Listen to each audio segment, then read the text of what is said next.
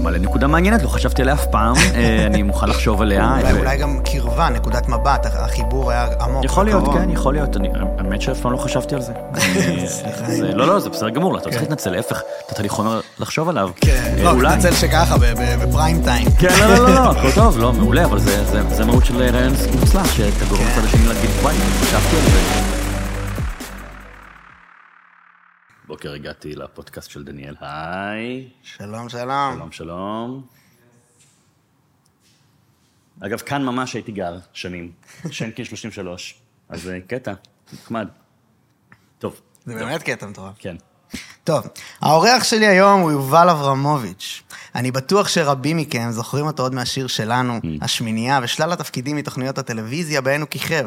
אבל כמו הרבים האלו, יהיו רבים נוספים שהכירו אותו דווקא מהשנים האחרונות כסופר של מספר רבי מכר בינלאומיים, כמו הרשימה ושנת המתנות, או כפודקאסטר, מרצה או כמנטור שמוביל אנשים להצלחה והגשמת חלומות. יובל, מה שלומך? בסדר, אה, תודה על זה, עשית פרצוף כזה, כשאמרת מנטור, יש לי אה. ממש אלרגיה למילה הזאת. מעניין. כן. מה, בקטע כאילו... תשמע, בפועל אתה מנטור, אני לא יודע אם אתה מסכים עם המילה או לא, אבל כשמישהו מתייעץ במישהו בשביל להתפתח בתחום שלו, כן. אז נראה לי שזה תופס. אה, אוקיי, קודם כל זה יותר נחמד שמישהו אחר אולי אומר משהו, פשוט המילה הזאת, כן. כמו הרבה מילים אחרות בשפה העברית, אה, אה, אתה יודע, השתלטו על המילה הזאת הרבה מאוד אנשים אה, שרלטנים, אין מילה אחרת. אה, אני מבין, כן. המון המון המון, אתה יודע, היום בעצם כל אחד יכול לפתוח מיקרופון, לעשות פודקאסט, כל אחד יכול לעשות הנה, הרצאה. דוגמה חיה. כן, עכשיו, עכשיו אגב, אני, אני בעד הדבר הזה, זאת אומרת, אני בעד שכל אחד, אתה יודע, יעשה את מה שעל ליבו, אבל uh, הקלות שבה אנשים כותרים לעצמם כתרים, בעידן הזה, שהוא נהיה קצת עידן שטוח, אתה יודע, עידן הטיקטוק והאינסטגרם, והכל כזה נורא רץ מהר, ו- כן. וכולם עם תמונות נורא יפות, ב- אני מדבר על כל המנטורים, כולם עם תמונות כאלה אני נורא... בדיוק אתמול, אה, הגיע אליי לאיזושהי פגישה אה, אה, מקצועית, אה, מנטור, לא, לא סתם מנטור, מנטור בינלאומי. אה, מנטור בינלאומי, בן 27, אה, אתה כבר עושה פרצוף. לא, אני עושה פרצוף גם של מעניין אותי לשמוע מי זה. אה, אז, אז זהו, ש... לא אני, אני רלוונטי? לא אגיד את שמו, זה גם לא רלוונטי, אבל אתה, לא, לגמרי, כי אתה לא עושה- מכיר אותו, זאת אומרת, כן. והאמת שאף אחד לא מכיר אותו. כן. עכשיו, אני לא אומר את זה חלילה בהתנשאות, כן. אבל אני, אני דווקא אומר את זה, אתה יודע, באמת, אני, אני פוגש המון אנשים שמגיעים אליי אה, להרצאות, לסדנאות, משוחחים איתי אחר כך, כותבים לי הודעות בפייסבוק, אנשים שמשלמים עשרות אלפי שקלים, רק, רק לפני כמה ימים פגשתי מישהו ששילם 20 אלף שקל לחמש פגישות, גם אצל איזה יועץ מטעם עצמו, שאין לו שום קבלות. עכשיו, אני- לא יודע למה הבחור הזה, אני הלך אליו ושילם לו את הסכום הזה שאין לו. עכשיו, אני יודע אגב למה, כי גם כשאני הייתי בן 20 ובן 30, והזכרת פה תחנות בחיי, נורא רציתי כאילו לפרוץ. בדיוק, בדיוק אני עכשיו מוציא בקרוב ספר שנקרא הפריצה, שבדיוק כן. עוסק בזה. והייתי... הספר ה-19 שלך, נכון. נכון. אה, ואתה יודע, והייתי הייתי כמעט מוכן לשלם לכל אדם שרק ייתן לי תקווה. ויש לאורך ההיסטוריה המון אנשים שניצלו אותם. הסיפור של איה קורם הזמרת, הוא ידוע שהחתימו אותה על איזה חוזה מטורף של איזה 19 שנה, אם אני לא טועה. כן. אה, ומאיה בוסקילה שהוחתמה על איזה עשור. אה, כי כשאתה צעיר, אתה כל כך רוצה... לפרוץ בתחום שלך, וזה לא משנה אם בתחום ההייטק, או בתחום המוזיקה, או בתחום המשחק, או בבית קפה שפתחת, שאתה מוכן לתת הכל, וזה כאילו קצת עסקה עם השטן. אני מבין. אני חושב אבל שבעיקר מה שאתה מדבר עליו זה כאילו, אין לך שום סמכות להגיד דברים, ואתה אומר אותם, שזה גם מה שאני חושב שבך מיוחד, והזכרתי את זה בפתיח, מיד אחרי שאמרתי כן. מנטור, אמרתי שכאילו, ההצלחות שלך מדברות בעד עצמן. ואז אם, לרוב שאני רואה יועץ זוגיות בן 24, אני כזה, אני לא יודע אם יש לך את ה- את האוטוריטה לדבר. כן, עכשיו, אתה, אתה יודע, שוב, אני, אני, אני, תראה, כשאני הייתי צעיר, אני, אני כבר, אני אומר בן 47, אז אני כבר יכול להתחיל להגיד, כשהייתי צעיר. אה, אבל כשהייתי צעיר, באמת, היו לי המון המון חלומות, אה, לפחות כשחקן, וכעיתונאי, וכסופר. ואתה יודע מה, גם ידעתי שיש לי איזושהי גישה לחיים שהיא קצת שונה. מאנשים שאני תמיד משיג את הדברים שאני רוצה, לא בדרך הקלה, אבל משיג אותם, שיש בי תעוזה, שיש בי חוצפה, ואני זוכר שהייתי עם אימא שלי, האמת שאני לא זוכר, היא הזכירה לי, שהייתי בן 25, רובין שרמה, שכתב את הנזיר שמחת הפרארי, ומועדון חמש בבוקר, היה בארץ, אה, והייתי בהרצאה שלו בבית האופרה, 1900 איש, ואני זוכר, שוב, אני לא זוכר, אבל אימא שלי הזכירה לי לפני כמה שנים, שאני אמרתי לה אחרי ההרצאה, את יודעת, יום אחד גם אני אעמוד על הבמה ואני אספר את הסיפור שלי, שזה כאילו קצת חצוף ותעוזה, אבל זה נורא מתאים לי להיות חצוף כזה, אבל צריך כיסוי לדברים, ו... שוב, אנחנו היום חיים בעידן, בדיוק על זה הספר הפריצה מדבר, שאתה רואה בחורה חמודה בשננת ברזילי, באה לטלוויזיה, כוכב הבא, אה, עושה עם הלופר כל מיני טריקים מגניבים, זוכה אחרי ארבעה חודשים, הולכת לאירוויזיון, זוכה באירוויזיון, מתפוצצת, אז אנשים אומרים, אה, מה הבעיה? חצי שנה, ואתה מתפרסם עכשיו. בין להתפרסם לבין אה, אה, באמת לפרוץ, יש דרך לגמרי. מאוד מאוד ארוכה. בוא, גם ספיר רונדלים, ראיתי כזאת אחת בטיקטוק, אה, שעושה כל מיני כאלה, אתה מכיר אותה? אתה... לא. אוקיי, תופעה שכזאת. כן. בחורה חמודה, אבל ראיתי את הריאיון במאקו, שוב, לא קראתי, רפרפתי, וזה כזה מעניין אותי, מעניין אותי לראות כאילו איך אדם מקבל כן. על סמך מה, ואנחנו היום בעידן כזה שיש לך 200 אלף עוקבים, אתה לכאורה מנטור. כן. ולכן יש לי, כשאומרים את זה, יש לי בגוף ויברציות. בכלל, יש לי כבוד למילים. גם כשאמרת שאני שחקן או סופר, אתה יודע, בפודקאסט שלי, השבוע ראיינתי את יונה אליאן, והיא אמרה שלקח לה המון המון שנים, ואין עוררין שיונה אליאן היא אחת השחקניות בארץ. לקח לה שנים למלא בטפסים כששואלים במה את עובדת, את המילה שחקנית. מה, וואי, שחקנית זה, זה חנה רובינה. גם מבחינתי, סופר זה גרוסמן. נכון שמאחוריי לא מעט ספר... לא יודע, יש לי כבוד למילים האלה, ויש היום, אנחנו בעידן נורא שטחי. כן, אבל, אבל למה, מה, מה לדעתך נותן את, ה, את הסמכות לבן אדם להיות כן סופר? או, כאילו, למה דוד גרוסמן הוא סופר ואתה לא? אם אתה חושב באמת שאתה לא... לא, אני לא אמרתי שאני לא, כן. אבל, אבל, אבל לא, אני אומר, לקח לי הרבה מאוד שנים אה, לקרוא לעצמי סופר. אה, כן. הייתי כותב שנים שאני, בכל מיני טפסים שאני כותב. אה, בדייטים לפני מלא שנים, אמרו לי, מה אתה עובד? אמרתי, כותב. יום אחד חברה ש- שמעה אותי מדבר, אמרה לי, למה אתה אומר כותב? אתה סופר, אתה עיתונאי עם 30 שנות זה, אמרתי לה, כן, זו מילה נורא גדולה. אני חושב שצריך לעבור דרך בכדי ל- לרכוש את הטייטלים, בין אם זה מהקהל, או בין אם לה- להגיד, אני שחקן, אני זה, אני זה. זה מעניין אבל, כי אני יודע לגביך, כן. וממש בספר הרשימה אתה מדבר על זה לא מעט, על ה... לא צריך טייטלים, כאילו, נכון. אז עזבו אותי מטייטלים. נכון? אז אני אומר, אז כאילו, אומנם אולי פה נתתי כמה טייטלים שאתה לא היית רוצה אה, להגדיר את עצמך דרכם, כן. אבל באמת אני חושב שאתה באופן מיוחד עושה הרבה דברים במקביל, כן. וזה בגלל שאתה לא מכניס את עצמך למשבצת, ואתה פשוט, הפעולות שלך מגדירות אותך, זה לא שאתה, בגלל זה אולי גם קשה להגיד סופר, כי אתה גם עושה מיליארד ואחד דברים נוספים. ואתה יודע מה, באופן קוסמי או לא, כשנכנסתי לפה, אמרתי לך, אה, אני ממש גרתי כאן ליד. נכון, אנחנו כן. מקליטים, אפשר להגיד איפה מקליטים? ברחוב שיינקין כן. בתל אביב, כן. איזה סטודיו מקסים, וממש, אני גרתי כאן ממול בשיינקין 33, כשהייתי בן 21, ו- ואני באמת, אתה יודע, אז כל החלומות שלי בעבעו, כאילו מגיל צעיר רציתי לעשות את מה שאני רוצה, אבל זה היו השנים שהתחלתי ממש לזוז ככה בקצב יותר מהיר, ואני זוכר שיום אחד שוחחתי עם מישהי, הקמתי אתר. זה היה לפני 20 שנה, זה היה וואו. הקמתי לעצמי אתר, אה, כשחקן, כעיתונאי, ו... ו... לא, היו לי כמה אתרים, אני עכשיו נזכר, גם למיזמים עסקיים וגם ל... ל, ל, ל אז בעיתונות, עוד לא היה לי ספרים, וגם כשחקן, ואז התייעצתי עם מישהו מבוגר, אמרתי לו, אני לא יודע מה לעשות, יש לי מלא אתרים, לזה, לזה, ואיך ימצאו אותי. הוא אמר לי, למה אתה צריך מלא אתרים? למה אתה לא יכול אתר אחד? לגמרי. והוא והוא אמר לי, תסתכל על ריצ'רד ברנסון. אתה יודע מי זה? ריצ'רד ברנסון, אחד המיליארדרים הגדולים בעולם, בריטי, שווה להכיר אותו. אה, אני חושב שהוא כבר בן 70, הוא הבעלים של חברת וירג'ן. עכשיו, תחת וירג'ן יש הרבה מאוד אה, ענפים. בזמנו היה לו חברת תקליטים אחת הגדולות בעולם, חברת משקאות, חברת תעופה. אגב, הוא גם, אה, הוא גם טס לחלל, טיסה אזרחית לא מזמן. וואו. יש לו אי מאוד גדול משלו.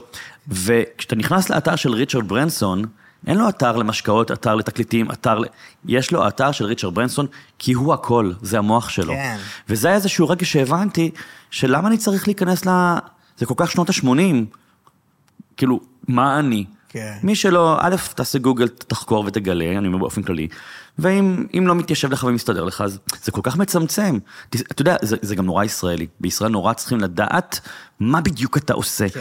תסתכל מעבר, ל, ל, ל, ל, אתה יודע, לכתף שלנו, לאירופה, בעיקר הברית, שם אנשים שהם גם וגם וגם, זוכים למחיאות כפיים, למחיאות כפיים, נכון. והערכה. מצד אחד זה, דבר אחד שכן עולה לי כזה כ- כ- כקונטרה לזה, שזה מה שאני שמעתי במה שאמרת על ריצ'רד כן. ברנסון, זה זה שההבדל בין, כאילו, יש עניין של ריכוז בהצלחה ממש ממש גדולה. להצליח לעשות דבר הרבה הרבה זמן, כן. הוא קשה בטירוף, וזה לרוב מה שכאילו נותן לך אפילו יתרון לגבי אנשים אחרים שעושים הרבה דברים, כי אתה לא...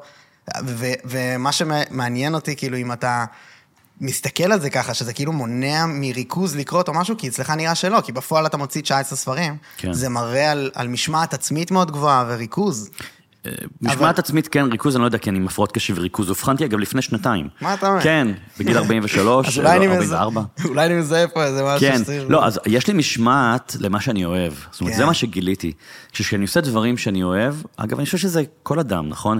כשמישהו, לא משנה אגב אם זה לבשל, אם זה לגנן את הגינה שלך, או לעבוד בעבודה שלך, אתה יודע, כשאתה אוהב, כשאתה מתעסק במה שאתה אוהב, אתה יכול לעשות את זה שעות וימים. נכון, אתה לא באמת עובד אם אתה עובד. כן, כן, אני עד היום כאילו משפשף עיניים, אני אומר, לא מאמין שכאילו משלמים לי בשביל לדבר, ומשלמים לי בשביל לכתוב, כן. וכאילו, ובשביל הפודקאסט, ואתה יודע, כן, זה כן. באמת... אה, ברכה. זה מדהים. אה, אבל אני חושב שדווקא ריבוי העשייה לאורך השנים, הוא מה שהפך אותי למי שאני היום, כי יש לי מיומנות בזה, מיומנות בזה, מיומנות בזה, ובסופו של דבר, באזור גיל 35-37, הכל התנקז לתוך מה שאני קורא לו היום פרויקט הרשימה. היכולת שלי כ- כ- כעיתונאי לספר סיפור, היכולת שלי כשחקן וכמפקד בצבא לעמוד מול קהל, היכולת שלי כבעל כל מיני מיזמים עסקיים, שחלקם הצליחו מאוד, חלקם נכשלו, אבל לנהל עסק, והכל התנקז. וכמו- הכל כרגע הוא מוגדר תחת אותו, אתה, אתה הולך עם אותו, כי אני יודע שיש את פרויקט הרשימה כן. שהוא הכל, כן, למעשה, קרוב, כן. קרוב מה שאתה עושה לפחות. נכון, יש תחתיו, אתה יודע, באמת 19 ספרים, כן. והרצאות, וקורסים, וסדנאות, אבל אני גם מרשה לעצמי לפעמים לקחת ימינה ושמאלה. למשל, עכשיו אני מופיע בהצגה בשם אני פה בגלל אשתי. וואלה. קומדיה מאוד קלילה, אה, מאוד... אה, אני לא רוצה לפגוע בהפקה, אה, מאוד, לא, אתה יודע, קומדיה באמת קלילה, משקל נוצה, כן. למרות שגם יש שם, יש שם גם כמה מסרים שקשורים לזוגיות, שאני רואה את הקהל ככה בוכה, מתרגש לקראת הסוף, אבל אפשר שניגע בזה דרך אגב. בטח, בשמחה, אבל אתה יודע, כן. אני, אני, רואה את הקהל, ואני יודע שחלק מהקהל מגיע כי אני שם, כי הוא ראה בפייסבוק ובאינסטגרם, אה, והשם שלי מופיע בכרזה, וברור לי שמתוך 100% קהל שהגיע לראות אותי, יש איזה 30% שאומרים, כן. מה הוא עושה בהצגה הזאת? כאילו, זה לא מתאים לו לאיש הזה שכותב ספרים ומרצה, אבל לא אכפת לי. כאילו, אני עושה מה שבא לי. איזה כיף. מדהים. השאלה היא אבל, האם זה תורם לך להתקדמות הכללית, או, או מפריע, או זה? כי יש כאילו כן הרבה פעמים... אה, צריך לעשות הרבה דברים שאתה אוהב בשביל להתמלא. הרבה פעמים מרגישים כן. שאני כזה סחוט ו- ושחוק וזה, כן. כי אני עושה יותר מדי דברים שאני לא אוהב, אבל הרבה פעמים זה כי אני לא עושה דברים שאני כן אוהב. אז זה תומך את הקריירה שלך כאילו? לא, לא אכפת לי. לא אכפת אתה. מבין, כאילו, תראה, זה- להגיד לך שלא התלבטתי והתייעצתי עם שניים וחצי אנשים לפני שחתמתי על החוזה, ואמרתי, יש מצב שזה יפגע בי? אה, וכולם אמרו לי, לא. כאילו, לא, אני לא התכוונתי יחסי ציבור או משהו. אז מאיזו בחינה? מבחינת, אה, כאילו, אתה על איזה אוטוסטרדה. כן. שאתה אתה מצליח מאוד בתחום ה... אה, ספרים הרצאות, כן. ספרים הרצאות, כן, ויש, זה נישה, ויש שם בלי עין הרע הרבה מאוד כסף. נכון. והצלחה אפשרית. כן. והשאלה שלי, האם, האם המחשבות, הבחירות של הצעדים שאתה עושה, מונעות מלקדם את זה הלאה? לא, לא, לא, לא. אני יכול להגיד לך שמעולם, מעולם, מעולם, כסף לא הניע אותי. Mm. לא כשהייתי בן 21 וגרתי כאן בשנקין 33 עם שתי שותפות בדירה מתפוררת, ולא כשאני היום, עוד מעט בן 47, אה, גר בנווה צדק ומבוסס כלכלית. זה אף פעם לא, אני יכול להגיד לך שבעקבות ההצגה גם במרכאות הפסדתי כסף, כי, אה, אתה יודע, השכר בתיאטרון הוא לא שווה ערך לשכר בהרצאה, אבל זו בחירה שלי. זהו, זו בחירה ממש מעניינת. כן. וכן, אני, אני יכול להגיד לך שלפני שנה וחצי, אה, אה, הודעתי לעצמי ולקרובים אליי שאני הולך להופיע בתיאטרון בקרוב. אמרו לי, מה זאת אומרת? כי, אתה יודע, תיאטרון, לא, לא, זו לא החלטה שלי. צריך שיקבלו אותי להצגה, במאי, מלהקים, מפיקים, יש פה המון אנשים שמקבלים, ויש המון שחקנים שרוצים. אה, אבל הרגשתי בגוף שאני אני זקוק לזה. זה חלק מהאישיות שלי, מהנפש שלי, אה, והרבה שנים לא שיחקתי, כמעט עשור, אה, בתיאטרון או בטלוויזיה. ויומיים אחרי שהודעתי על זה, ככה לעצמי ולסביבה, הייתי בפורטוגל בחופשה, ופתאום קופצת הודעה, בפייסבוק סטטוס, קופץ סטטוס של אחד המפיקים בתיאטרון העברי שבו אני משחק, שמלהקים קומדיה. וישר שלחתי הודעה, ואתה יודע, עכשיו אני לא כותב יובל אברהם, כאילו, יובל, שחקן, זה, אמרתי, "נש- שלחתי קורות חיים וזה, חזרו אליי ישר, אמרו לי, וואו, יובל אברמוביץ', והם מוזמן לאודישן, עכשיו הייתי בפורטוגל, לאודישן היה יום אחרי שאני חוזר לארץ, כשאין לי איתי טקסטים שאני צריך לעשות, לא משנה, השגתי מחברים איזשהו טקסט שרציתי, למדתי בעל פה בבריכה בפורטוגל, הגעתי לארץ, אני נכנס לחדר חזרות, אומר לי גדי צדקה, הבמאי, מה אתה, עושה פה? אמרתי לו, אודישן? הוא אומר לי, כן, אבל אתה ממלא פה אולמות, זה היה בבית ציון אמריקה, אתה ממלא פה אולמות כל שני וחמישים? אמרתי לו, כן, אבל, אבל זה, זה הרצאות וזה תיאטרון. הוא אומר לי, כן, אבל, אבל למה? שזה קצת כאילו, כאילו אני לוקח את השאלה שלך ואני... כן, זה אולי מה שאני שואל. כן, אז, אז אמרתי לו, תראה, אני יכול לענות לך שתי תשובות. תשובה אחת ארוכה ומנומקת, כמה אני אוהב תיאטרון וכמה זה חשוב ותרבות וזה, או תשובה קצרה מאוד. והתשובה היא, כי בא לי. והתקבלתי, באותו רגע. די. כן, כי אני חושב שה... ה- ה- וזה המנוע שלי, בא לי. אני חושב שמנוע של בא לי הוא דבר מאוד מאוד חשוב. כאילו, אתה יודע, כשילדים קטנים, הם אומרים באופן טבעי, הרבה פעמים בא לי, לא בא לי, בא לי. יש הורים שיש להם אלרגיה, לילד, לא בא לי זה, בא לי זה, אז אומרים, אל תגיד בא לי, תגיד אני רוצה. בא לי זה אחלה של דבר, זה אחלה מנוע. כאילו שאנחנו מאבדים אותו עם הגדילה. בדיוק, עכשיו, איזה כיף זה לעשות מה שבא לך.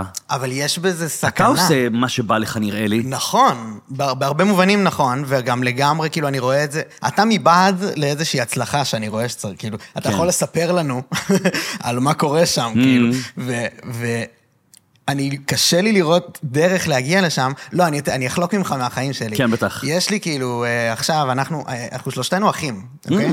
כן, ויש לנו חברת הפקות. חמודים. אנחנו, אה, אנחנו אוקיי. מפיקים פודקאסטים לאחרים, ועושים אה, פרסומות ודברים. מדליק. ומוזיקה. ואז מה שקורה זה שמגיעים אלינו אנשים שרוצים לעשות פודקאסט, ורוצים להצליח, ורוצים כן. זה, ואני הרבה פעמים מתחיל איתם איזשהו תהליך, ואז נתקל איתם בקיר של בא לי משהו חדש. Mm. ואז כזה אני, אה, שרפת עכשיו את כל ה... את את החודשיים. שלושה האחרונים, כן. כאילו? לא, אז תראה, אז... אז, אז ואתה, אתה, סליחה, דוגמה חיה לזה שזה לא קרה. כן, כאילו, לא, אבל, אבל שנייה, אתה, אתה, אתה מערבב כאן בסיפור הזה אה, כמה דברים. שקצת מתקשרים גם למה שאמרתי בפתח השיחה, לזה שאנחנו היום חיים בעידן נורא מהיר, אנשים חושבים שההצלחות הן בן לילה, יכול להיות שמישהו בא אליך ואומר, אני רוצה פודקאסט. ואתה אומר לו, סבבה, ובוא נבנה ונאפיין, טה-טה-טה-טה-טם, ואז אתה אומר לו, הנה הצעת מחיר, ואז הוא אומר לך, אה, וואו, זה, לא, אני לא אין לי, לא חשבתי, חשבתי כולם פותחים מצלמה, זה... אז לא, אני דיברתי על אפילו מתחילים את התהליך. כן, לא? עכשיו, אבל אני חושב, תראה, תלוי ב, למה הבן אדם אמר, לא, לא, בעצם בא לי משהו אחר. כי, כי קודם כל יש משהו בסדר, זה, זה, זה חלק מה, מ, מהצלחה בעיניי זה גם להיות גמיש. זה לדעת להגיד, אני עושה את זה, ואני, רגע, לא, בא לי משהו אחר. נכון. אם, אם, זה, אם זה כל הזמן, זאת אומרת, אם, אם אתה כל הזמן, בא לי, בא לי, בא לי, ואתה משנה, אז ברור שיש לך כאן איזושהי בעיה של חוסר החלטיות וחוסר מאמץ, אבל אם אתה אומר אחרי... כמה חודשים, אחרי כמה שנים, רגע, בא לי משהו אחר, הלב שלי נמצא במקום אחר, יש משהו אחר שמושך אותי. תראה, הרבה פעמים אני, אני מרצה גם להורים, ואני מרצה לילדים והורים ביחד, אפרופו חלומות, ולא פעם באים אליי הורים אה, ואומרים לי, "ה- הילד נרשם לחוג כדורסל, או קנינו לילד פסנתר, והוא הפסיק אחרי חודשיים, כן. וזה לא בסדר. התמדה, כאילו. יפה. והם נורא נבהלים שהילד לא יהיה מתמיד. כן. ו... ואז אני אומר, תראו, תלוי, תלוי מה הסיבה לעובדה שהילד הפסיק, לא רוצה ללכת לחוג. האם זה כי קשה לו? אם זה קשה לו, לא לוותר לו. כאילו ללמד אותו להתגבר על הקושי. אם כי הוא ניסה, הוא אמר, אוקיי, לא, לא בא לי, זה, זה לא מה שחשבתי, הכל בסדר. זאת אומרת, ואגב, זה תקף גם לאדם בן 40, או אדם בן 50, או בן 80, או בן 14, כן. שככה לפחות אני מגדל את בנותיי, שהן מנסות, והן תואמות, אתה יודע, כשילד נולד, אז uh, כשהוא מתחיל לאכול אוכל מוצק, בהתחלה הם מרסקים לו את הבננה ואת התותים ואבוקדו ונותנים לו לטעום. ארוחת טעימות, כדי שהוא יכיר את הטעמים של לימון, של תות, של אבוקדו ויתרגל לאכול. למה, למה, למה לתינוק עושים את זה, אבל למבוגר לא עושים את הדבר הזה שנקרא ארוחת טעימות? החיים מציעים לנו כל כך הרבה דברים. למה צריך רק דבר אחד? השאלה היא האם אתה רודף אחרי סקסס או אחרי greatness, בעיניי. כי אם אני רוצה להשאיר פה משהו שייזכר דורות אחריי, אני חושב שאני מתחרה באנשים שמקדישים את כל כולם למשהו בלי להפסיק. Mm-hmm. ואני אני יודע לגבי עצמי, שהרבה אנשים, אה, כאילו... אה, אני, אני כן חייב להגיד שאני מתחבר למה שאתה אומר לחלוטין. כן. אני אומר שקל לקחת את זה למקום של, אתה מכיר את המונח uh, uninformed optimism? לא. אוקיי, okay, אז יש איזושהי טבלה שנקראת The, change, uh, the משהו of change, ובעצם זה מראה דפוס של התנהגות סביב uh, uh, שינויים בחיים. Mm-hmm. אתה מתחיל בנקודה שנקראת uninformed optimism, זה כאילו uh, אופטימיות בלתי מודעת, mm-hmm. ואז משהו, מישהו מספר לך על איזושהי הצעה ממש, איזו הזדמנות ממש גדולה שהוא נמצא בה, והוא בעצם, אה, אתה ישר מרגיש, אה, אוקיי, אני צריך לעזוב את ההזדמנות שאני נמצא בה, כי יש לו פה הזדמנות טורפת. כן. ואז אתה משקיע את זה, ואתה קופץ לתוך ההזדמנות. כן. ואז אתה עובר מ-uninformed optimism ל-informed pessimism. כן. כי אתה מבין שיש לך פה הרבה עבודה, וזה יצריך דברים, וזה נראה ורוד מרחוק, אבל בתכלס יש בזה הרבה חרא, ואז מה אני עושה? אני מוצא משהו חדש, כן. שיהיה לי uninformed optimism. נכון, אז זה, אתה יודע... אנשים נמצאים בלופ הזה, זה נכון, מה אז. יש לזה הרבה שמות נוספים, כמו הפומו הידוע, נכון. fear of missing out וכולי וכולי. אז נכון שבעידן של היום, אתה באמת, אתה יודע, אתה, אתה נוסע לניו יורק לחופשה חלומית, ואז אתה פותח טיקטוק כבר, אתה רואה מישהו בסיישל, אוי, למה נסעתי לסיישל? אתה נוסע לסיישל, אוי, למה אני לא בגרוזיה? כאילו, כל הזמן אתה, אתה רואה משהו אחר. אה, אבל, לא נדבר על המקרים האלה, ש- שאם אתה באמת אדם קופץ כל הזמן, ולא מתמיד בשום דבר, אז בוודאי שיש לך איזושהי בעיה, ואתה צריך להיעצר ולשאול את עצמך, לברר עם עצמך מה קורה. אבל יש, יש ערובה בחיים הזאת למשהו? כאילו, אתה יכול להבטיח לי שאני אעשה את מה שאני עושה עוד 20 שנה? כאילו, אני לא יודע, אני, יש לי עוד חלומות ברשימה, אני לא יודע אם אני אמשיך לעשות הרצאות על חלומות ומטרות ויעדים וואו. עוד 20 שנה. אני כבר עכשיו מוריד הילוך, ואני מסרב להרבה מאוד הרצאות בארץ ובעולם, כי, כי אני בתקופה אחרת בחיים שבא לי דברים אחרים, שבכלל קשורים ברמה האישית, משפחתית, זוגית. כאילו, אתה יודע, זה, כן, אני אשמח לשמוע על זה. לא, אתה יודע, אתה, אל תשכח שאתה גם בן 28, כן. נכון? גם, אתה יודע, אתה בחור נבון וחכם בן 28, אבל כשתהיה בן 38, הרצונות שלך והשאיפות. והחלומות שלך השתנו. אתה יודע, שוב, אנחנו באופן קוסמי צמודים פה לדירה הראשונה שלי בתל אביב. יש לנו אה, תמה לפרק. כן, אתה יודע, אז ה- ה- יובל ש- של גיל 21, שהיה כאן בחדר הקטנצ'יק הזה, אה, ושילם 200 דולר בתקופה שעוד שילמו כאן 200 דולר. וואו. כן, 330 למעשה. וואו. אה, כן, לחדר. אתה יודע, היו היו לי רצונות לא לגמרי אחרים, רציתי לכתוב, רציתי לשחק, כל מה שאני עושה היום, אבל הם משתנים עם השנים, הם משתנים עם, ה, עם ההצלחה, הם... בוא, גם הקורונה שינתה לנו חלומות, נכון? פתאום אנשים גילו את הנפלאות הבית, פתאום אנשים כן. גילו את נפלאות ה... שוב פעם לקרוא, אה, את נפלאות הבישול. פודקאסטים. פודקאסטים, אז אני אומר, זה לא, אתה יודע, אנחנו לא בעידן שסבא שלי נפטר לפני שנה בגיל 100, והוא כל חייו עבד באותה עבודה, הוא היה סוחר בשוק הפשפשים, והוא לא הבין את הקופצנות הזאת שלי. כאילו, אבל, אגב, כשם שאני לא מבין לפעמים דברים של הבנות שלי, שהם, יש בינינו דור, הבת שלי הגדולה בת 15, אני גם לפעמים לא מבין דברים מסוימים, אה, ש- אתה יודע, בתקשורת שלה עם בני אדם. הטכנולוגית הזאת, אה, אה, אפס, אפס אינטראקציה אנושית, כן. כאילו, אבל אני אומר, בסדר, זה, דברים משתנים.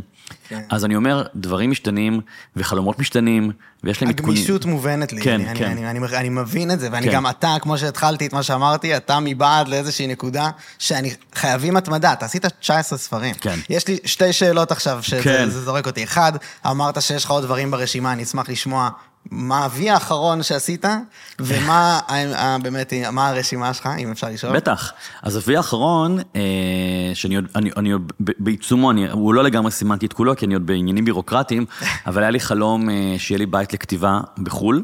וואו. ורכשתי, אה, רכשתי, אה, האמת, שני בתים, אה, אחד באתונה ואחד בקפריסין, זה שני מקומות שאני מאוד מאוד אוהב. בתי כתיבה. בתי כתיבה, כן. בתי כתיבה. וואו. כן, כי אני, אני כותב את הספרים שלי אה, בחו"ל, ב, ביוון או בקפריסין, שנים, מהספר הראשון. אתה כאילו מרכז את זה לאיזה זמן כזה? אה, לכמה, יהיה זמן במהלך השנה, תראה, מאוד. אפרופו העידן שבו אנחנו חיים, כמעט בלתי אפשרי אה, לכתוב, לי לפחות, אבל אני מכיר את זה מחברים וחברות שלי, שהם כותבים וכותבות, נורא נורא קשה בעידן של היום, של טלפון מצפצף כל שנייה, וספציפית אני באמת, יש לי לו"ז עמוס שאני רץ מהרצאה להרצאה בכל רחבי ישראל, פלוס שתי בנות, פלוס זוגיות, פלוס כלב, פלוס חתול, פלוס דגים, פלוס כביסה. אה, קשה מאוד להתיישב לכתוב. עכשיו, זה לא לגנוב שתי דקות, חצי שעה, לכתוב ארבעה משפטים. תהליך של כתיבה זה התמסרות. אתה צריך להיות בתוך הדבר הזה, בזון הזה, כמה שעות רצופות. אה, אז אני נוסע כמה פעמים בשנה אה, לעשרה ימים בממוצע, אה, לאחד האיים, יוון או קפריסין, אה, נסגר שם באיזשהו חדר, עם השנים גם החדרים השתדרגו לחדרים מאוד אה, נעימים, וואו. ופשוט קם בבוקר, אוכל ארוחת בוקר, כותב, כותב, כותב, כותב, כותב, כותב, עד שתיים בלילה, וחוזר חלילה. ואני חוזר לארץ עם, אתה יודע, כמות של נגיד עשרה פרקים, עובד עליהם, מהדק אותם, אה, שוב טס אחרי כמה חודשים, ו... זו, זה, זה אחד ההסברים. זה בעצם אבל המנוע לעצ, לעצמו. אתה כאילו, התגמול מהעבודה הקשה שאתה מתאר, הוא זה שאתה יכול לקנות את הבתים האלה. נכון, נכון. אז, אז, אז באמת, זה היה ברשימה שלי. כאילו, יום אחד שבמקום, אתה יודע, לזרוק את הכסף על, על כל מיני דירות שאני משכיר, וחללים, וזה מצטבר, תחשוב, 19, כמה? 15 שנות כתיבה, אה, לא מעט כסף, ארבע נסיעות בשנה, אז אמרתי, רגע, רגע, רגע, אה. ובוא, ואתה יודע, כבר יהיה גם בית לחופשות עם המשפחה וכולי, אז, ואתה יודע, אני חייב להגיד, אה, להבדיל מישראל, שזה נורא מקומם, לרכוש נדל"ן בחו"ל, הרבה יותר פשוט. הרבה יותר פשוט.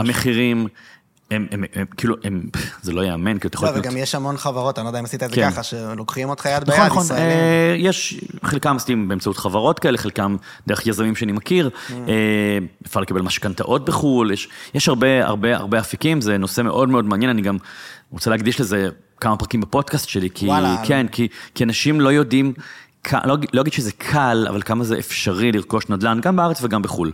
זאת אומרת, כאילו בשילוב הלוואה כלשהי. שילוב של לפעמים הלוואה, כן, כל כן. מיני, יש כל מיני קומבינציות, אתה יודע, חוקיות וזה. הבנתי, כן. אתה אומר, אנשים אה, מתמודדים, מתלבטים בין אפשרויות ולא מודעים לאופציה הזאת. ואגב, זה לא, גם אני לא ידעתי עד לפני כמה שנים, אתה יודע, עד שלא, הקורונה אגב, היה לי כן. זמן באמת לעצור ולחקור וללמוד, ואמרתי, וואו, יש עולם שלם בחוץ, תרתי משמע, אין לנו מושג. אה, אז, אז הנה, אז אפרופו דברים ברשימה שלי, אז הגשמתי את זה לאחרונה. מלא שאלות. אז כן. דבר, דבר ראשון, על, הב, על הבית, כן. על, על האופן, על הבתים כן. שרכשת. דבר ראשון, אה, האם אה, זה לבד? קורה? הרכישה, אה, כאילו לא הרכישה, סליחה, השהות. האם השהות בבתים האלה, היא זה בעבור עצמך? כן, כן. זה לא יהיה Airbnb, כן. מטורף? לא, אבל אתה כאילו לא בא לשם באמת עם, עם כל המשפחה וזה. לא, אנחנו גם נהיה, אני אהיה בראשה. אבל הטיסות האלה שאתה עושה, הם לבד? כשאני נוסע לכתוב? כן, לכתוב. כן, בוודאי שלבד. ומה, וזה מין ריטריט כתיבה כזה. כן, כן. ואיך המשמעת העצמית? אתה תיארת את זה ככמה שעות. כן. זה לא כמה שעות. זה יום, זה ימים. זה ימים רצופים. כן, קודם כל, זה, קודם כל, כשאני תמיד מגיע לעשרה ימים האלה, אני מתחיל אותו ואני אומר, אה, אה, מאיפה עכשיו אני מגייס כוחות? כאילו... כן? אה, כן, תשמע, זה לא... אתה יודע, אבל ככל שהם עוברים ופתאום הקובץ מתמלא ואתה אומר כזה, אתה רואה, אה, 20 אלף מילה, 30 אלף מילה, אתה... אז זה מזין את עצמו. עכשיו, אני אדם נורא משימתי. אז כן? כן, אני כאילו, אני... אה, אז אתה עושה בעצם to do list של... כן, כן, כן, אז יש לי, אתה יודע, פתאום כזה, אה, 15 מילה, 20 מילה, אז אני כזה אובססיבי, וזה כזה... אבל תראה, מעבר לזה, אני יכול להגיד לך שאחד ה... במרכאות טריקים, זה לא טריק, זה דרך עבודה, שאני גם מלמד אותה בקורסים ובסדנאות. כן, יש לך גם את הספר על כן, גם יש לי ספר על כתיבה, וגם אה, אני, אני גם עושה קורסים, ואני אגב גם מוציא אנשים למשלחות כתיבה בקפריסין וביוון, לחוות בעצם את מה שאני עושה.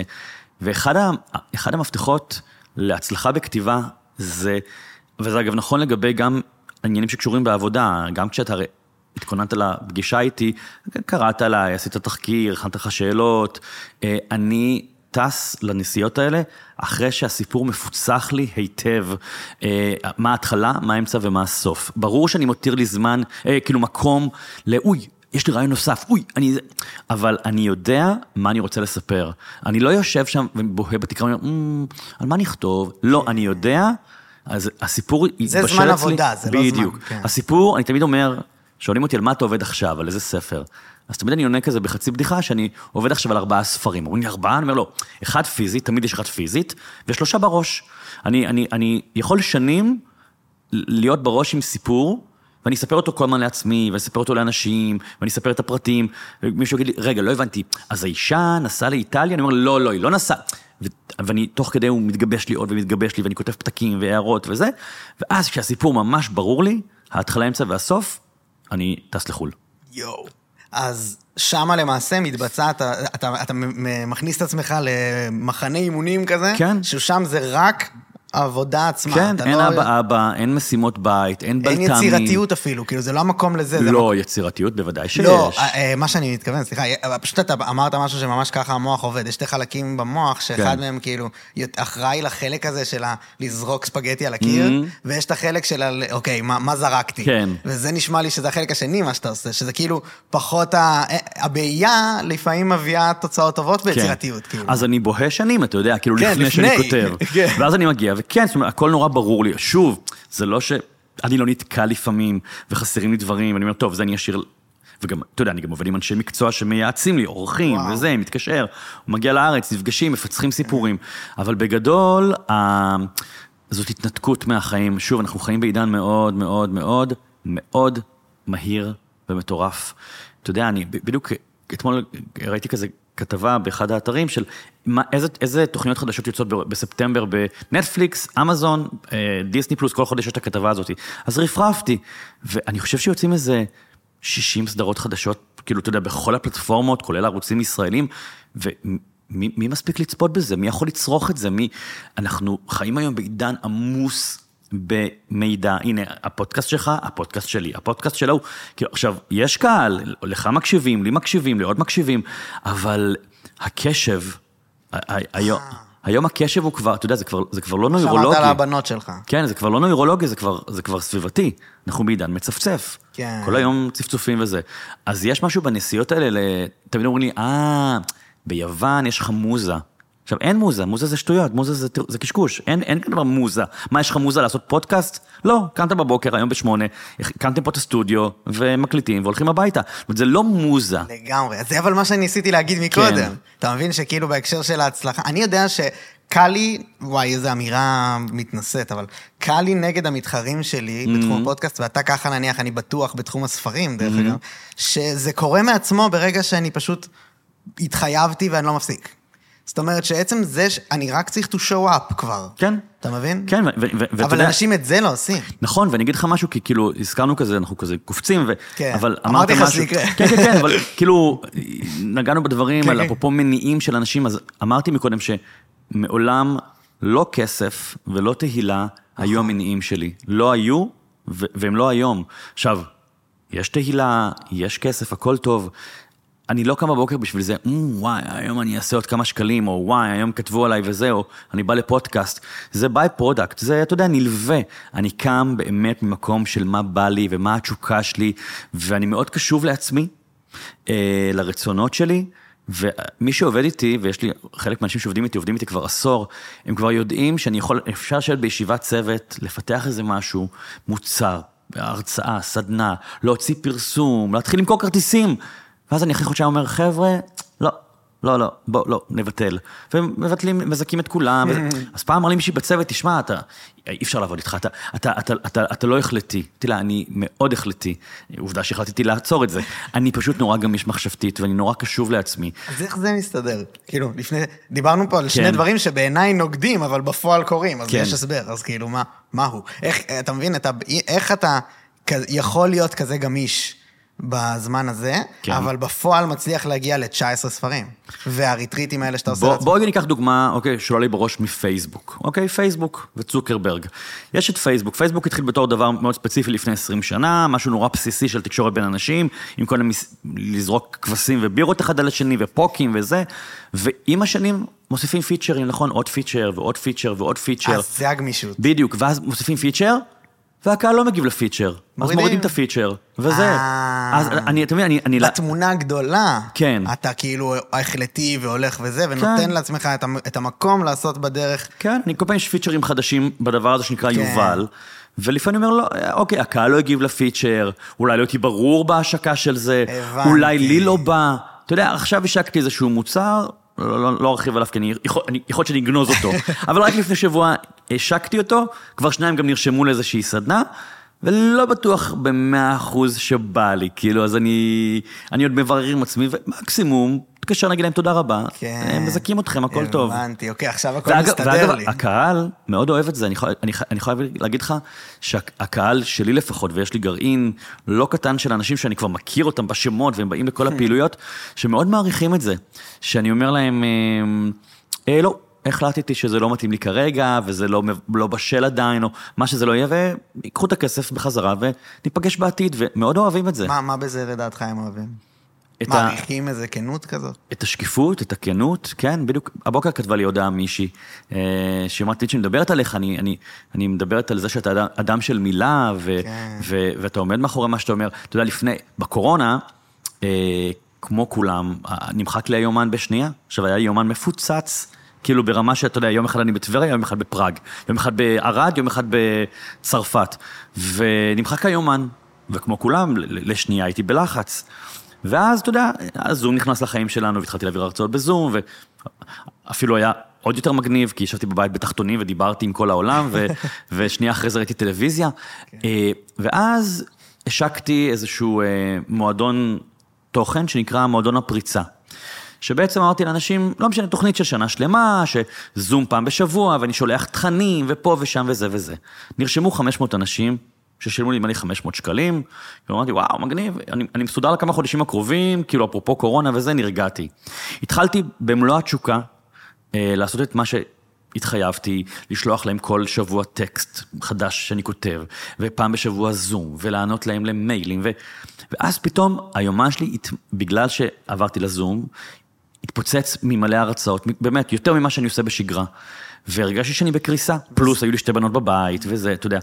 אה, ופשוט הוצאתי מייל. ואמרתי להם, בדיוק בריטני ספירס אז היה עליה דיבור שהיא מתחרפנת, כאילו... אה, עם הסרט של אבא. כן, וכתבתי, הוצאתי מייל לכל ה-500 איש, ואמרתי להם, תקשיבו, אני עוד שנייה הופך להיות בריטני ספירס. אני עוד שנייה יורד מהפסים. כשפתחתי את המועדון הזה, את מועדון הפריצה, אה, לא חשבתי ש... זאת אומרת, היומן שלי היה ריק, אבל אתה יודע, אתם יודעים, פתאום הוא התמלא, כי נכנסנו לשגרת קורונה, ואני מרגיש שאני לא מסוגל לעמוד בעומס. ואני, ולכן אני קיבלתי החלטה לעצור את הפעילות לשלושה חודשים, נגיד רצנו ארבעה חודשים, ואני חייב להם עוד פרק זמן של עד שנה, אמרתי להם, בואו, אני מבקש לעצור לשלושה חודשים, לנשום, לסדר את חיי מחדש, ונחזור עוד שלושה חודשים. מי שרוצה יקבל זיכוי מלא על התוכנית, מי שרוצה שיישאר. אתה יודע כמה אנשים ביטלו? כולם? אפס. אף אחד לא ביטל. כולם כתבו לי, אה, כאילו, אה, מישהי כתבה לי, רק בשביל זה היה שווה להירשם לתוכנית, ללמוד איך אתה עושה את זה. וואו. אה, באמת, את, זה אשכרה, הציפייה היא הפוכה. כן. מעניין ממש. כן, אף אחד לא ביטל, כולם קיבלו את, ה, את הכנות שלי, את היושרה, משהו שאתה לא כל כך רואה. מה זה אומר לא ביטל? זה אומר שהם היו מוכנים לחכות את התקופה? כן, שלושה חודשים. בלי כן. להחזיר. כן. כן, כי היה להם טוב בארבעה חודשים הראשונים של התוכנית. מדהים. אז אמרתי להם, אני צריך פגרה של שלושה חודשים. לא, כן. לא, לא, אמרתי להם, לא... לא צפיתי שכאילו יהיה עליי עומס דווקא בקורונה יותר גדול משיש לי בעיה ביום-יום, אז אני מתנצל, והנה אפשרות לקבל זיכוי. אף אחד לא רצה זיכוי, כולם חיכו בהמתנה, ואני הודיתי להם מאוד, ואם הם יקשיבו לי, אני מודה לכם עדיין. תקשיב, זה אומר לי שזה, זה אומר לי שהקטע, ההבדל בינך לבין האנשים שאני ציינתי מקודם, לדעתי, שעוברים מדבר לדבר בקטע לא זה, זה שאתה עדיין מחויב לעצמך. כן. זאת אומרת שכאילו, אתה החלטת שאתה תהיה משהו, אה, יש לך חלומות, אתה כן. מחויב לחלומות. נכון, נכון, נכון. וגם אם בדרך אני, אתה יודע, לוקח הפוגה, יורד מהכביש הראשי, פונה ימינה-שמאלה, כן, לבדוק דברים. זה הכל בדרך. נכון. ואגב, אם אתה גם מסתכל על הביוגרפיה שלי נכון להיום, כל מה שעשיתי הוא בסופו של דבר בעולם האומנות. אה, בין אם זה ספרים, בין אם זה משחק, בין אם זה עיתונות, בין אם זה הרצאות, בין אם זה עסקים פיזיים שהיו לי, אז הם, הם חנויות שנתנו במה לאומנים. אה, אני לא פתחתי שוארמה, כאילו, לא שיש בזה משהו רע, ואולי יום אחד אני אפתח שוארמה, לא שזה בחלום, ש...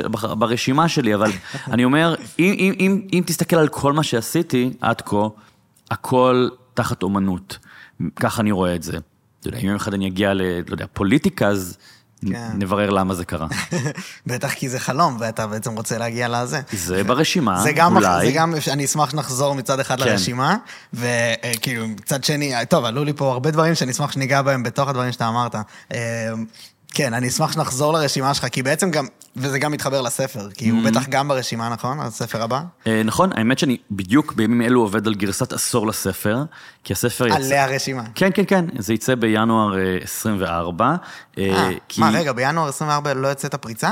הפריצה והרשימה, גרסת העשור ביחד באותו יום. אה, כן, כי באמת, עוד מעט זה עשור לספר הרשימה, ולפני שנה אה, חיפשתי איזשהו ציטוט מתוך הספר למשהו, אז כזה פתחתי אותו, ואמרתי, אה, בוא נקרא, אף פעם לא קראתי אותו. אתה יודע, כתבתי אותו, לא קראתי אותו. קראתי, ואמרתי, אוקיי, נחמד, אני, אני מבין למה מחבבים אותו, אבל וואו, כאילו, הוא מאוד בוסרי, ובוא, הייתי בן 34 שכתבתי אותו, 35, אה, והרגשתי שהספר צריך אה, לעבור שכתוב. אה, להדק אותו, להוסיף דברים, אתה יודע, בוא, גם לא היה אז טיק טוק, לא היה אינסטגרם, ברמת הדוגמאות. אה, הרבה עושים את זה.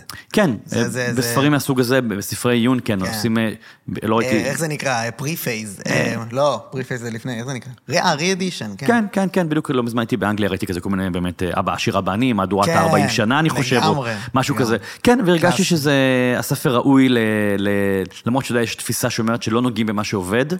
אבל הרגשתי שלעשות לו קצת fine-tuning, אז דייקתי שם דברים. ספציפית באבא עשיר אבא עני, הוא אומר שזה, הוא התאים את עצמו לעידן היותר דיגיטלי מהיר. נכון, אגב, אני חייב להגיד שכשאני קראתי את אבא עשיר אבא עני לפני 20 שנה, אני זוכר ש- שאז הייתה לי ביקורת שהוא לא כל כך מתחבר למציאות, כי המציאות נורא זזה מהר, והוא הוא גם נורא אמריקאי, למרות שיש שם הרבה דברים בתפיסה שהם נכונים כמובן, ו, ובאמת לא פלא שהוא ועוד, ראיתי שגם כן. שעשו למיזיס את הגבינה, להרבה מאוד מלא, ספרים מלא, עושים, אה, כן. עושים התאמה אה, ומוציאים מהדורה אה, מחודשת, אז באמת תצא מהדורה מחודשת, וזה מצחיק, כי בסוף הספר...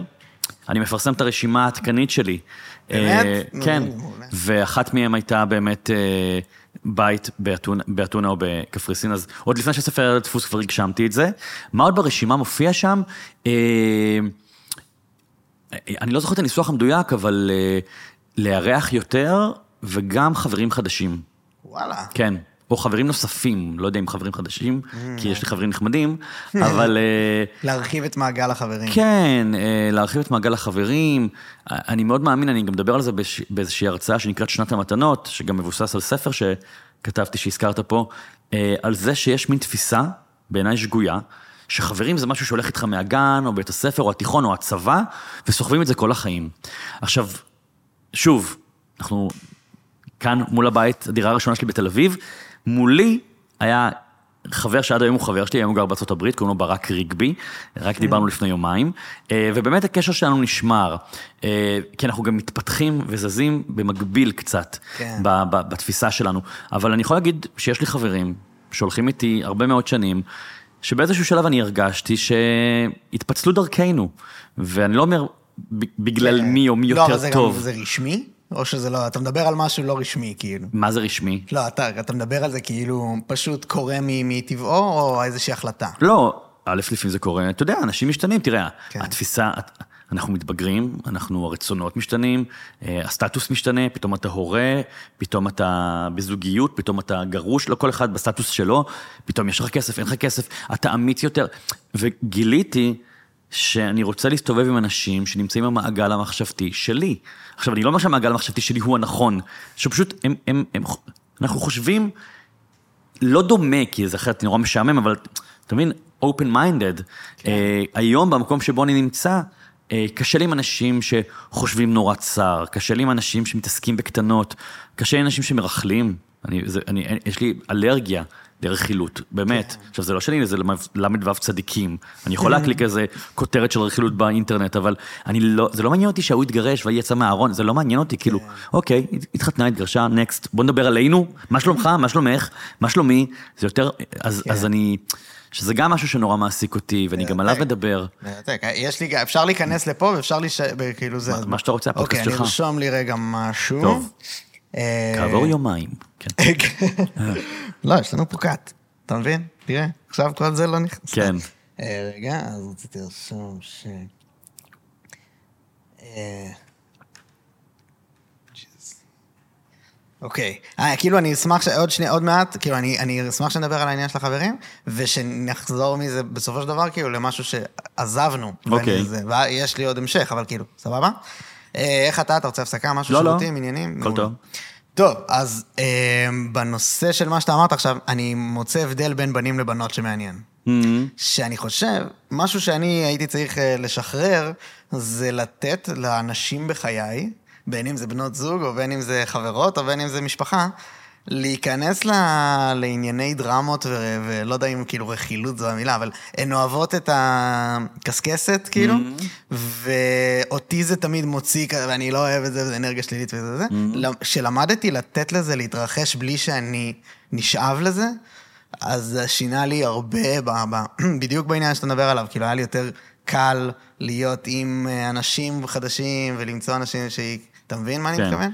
כן. אה, האם אתה מסכים? כאילו, כי אני לא בטוח. אה, תראה, זו בהכללה מאוד מאוד גסה, זה. נכון שיש אנרגיה גברית ואנרגיה נשית, אבל יש ויש ויש, אתה יודע, אגב, ברומנים שאני כותב, אה, אז הגיבורים, הם תמיד גיבורות. ה- הקול מס- המספר זאת של אישה. ונשאלתי בלא מעט ראיונות, למה אתה כותב דמות של נשית, אתה גבר. אה, אז מעבר לזה שזה כיף, כי זה, אתה נכנס באמת לנעליים, תרתי משמע, שהם לא אתה, ו... ו אז תמיד אני, אני אומר בהומור, שאם, נגיד סתם, בשנת המתנות הגיבורה שלי, בעלה עוזב אותה במפתיע בגיל 39, עם איזה מכתב דוחה של שבע שורות, והיא לא מבינה למה, וכל הספר היא מנסה להבין, אבל מה היא עשתה לא בסדר, כי הוא לא אומר לה, וזה לא נותן לה אה, מרגוע, אז אני תמיד אומר בצחוק, שאם זה היה גיבור, גבר, ואשתו הייתה עוזבת אותו, אז הוא אומר, יאללה, כוס של אמא שלה, ומוצא מישהי ונגמר הספר. כאילו, אבל אישה, ואני אומר את זה דווקא בקטע חיובי, כן. אה, חופרת, כן. בודקת, חוקרת, זה זה. תראה, אני רואה את זה גם בקהל שלי, ה- בהכללה מאוד מאוד גסה, הקהל שלי הוא קהל יותר נשי, בוא נגיד, 65% מהקהל זה קהל נשי, והיתר זה גברים, כן. אה, כי נשים הן יותר חופרות, יותר חוקרות, יותר בודקות, אה, יותר מטופלות, הן גם רגילות, אתה יודע, הן הולכות לבדיקות שד, וגינקולוג, וקוסמטיקאית, ודברים שגברים פחות עושים. כן, אתה יודע, גבר הולך עם התחתונים שלו הקרועים, 30 שנה, לא מחליף אותם.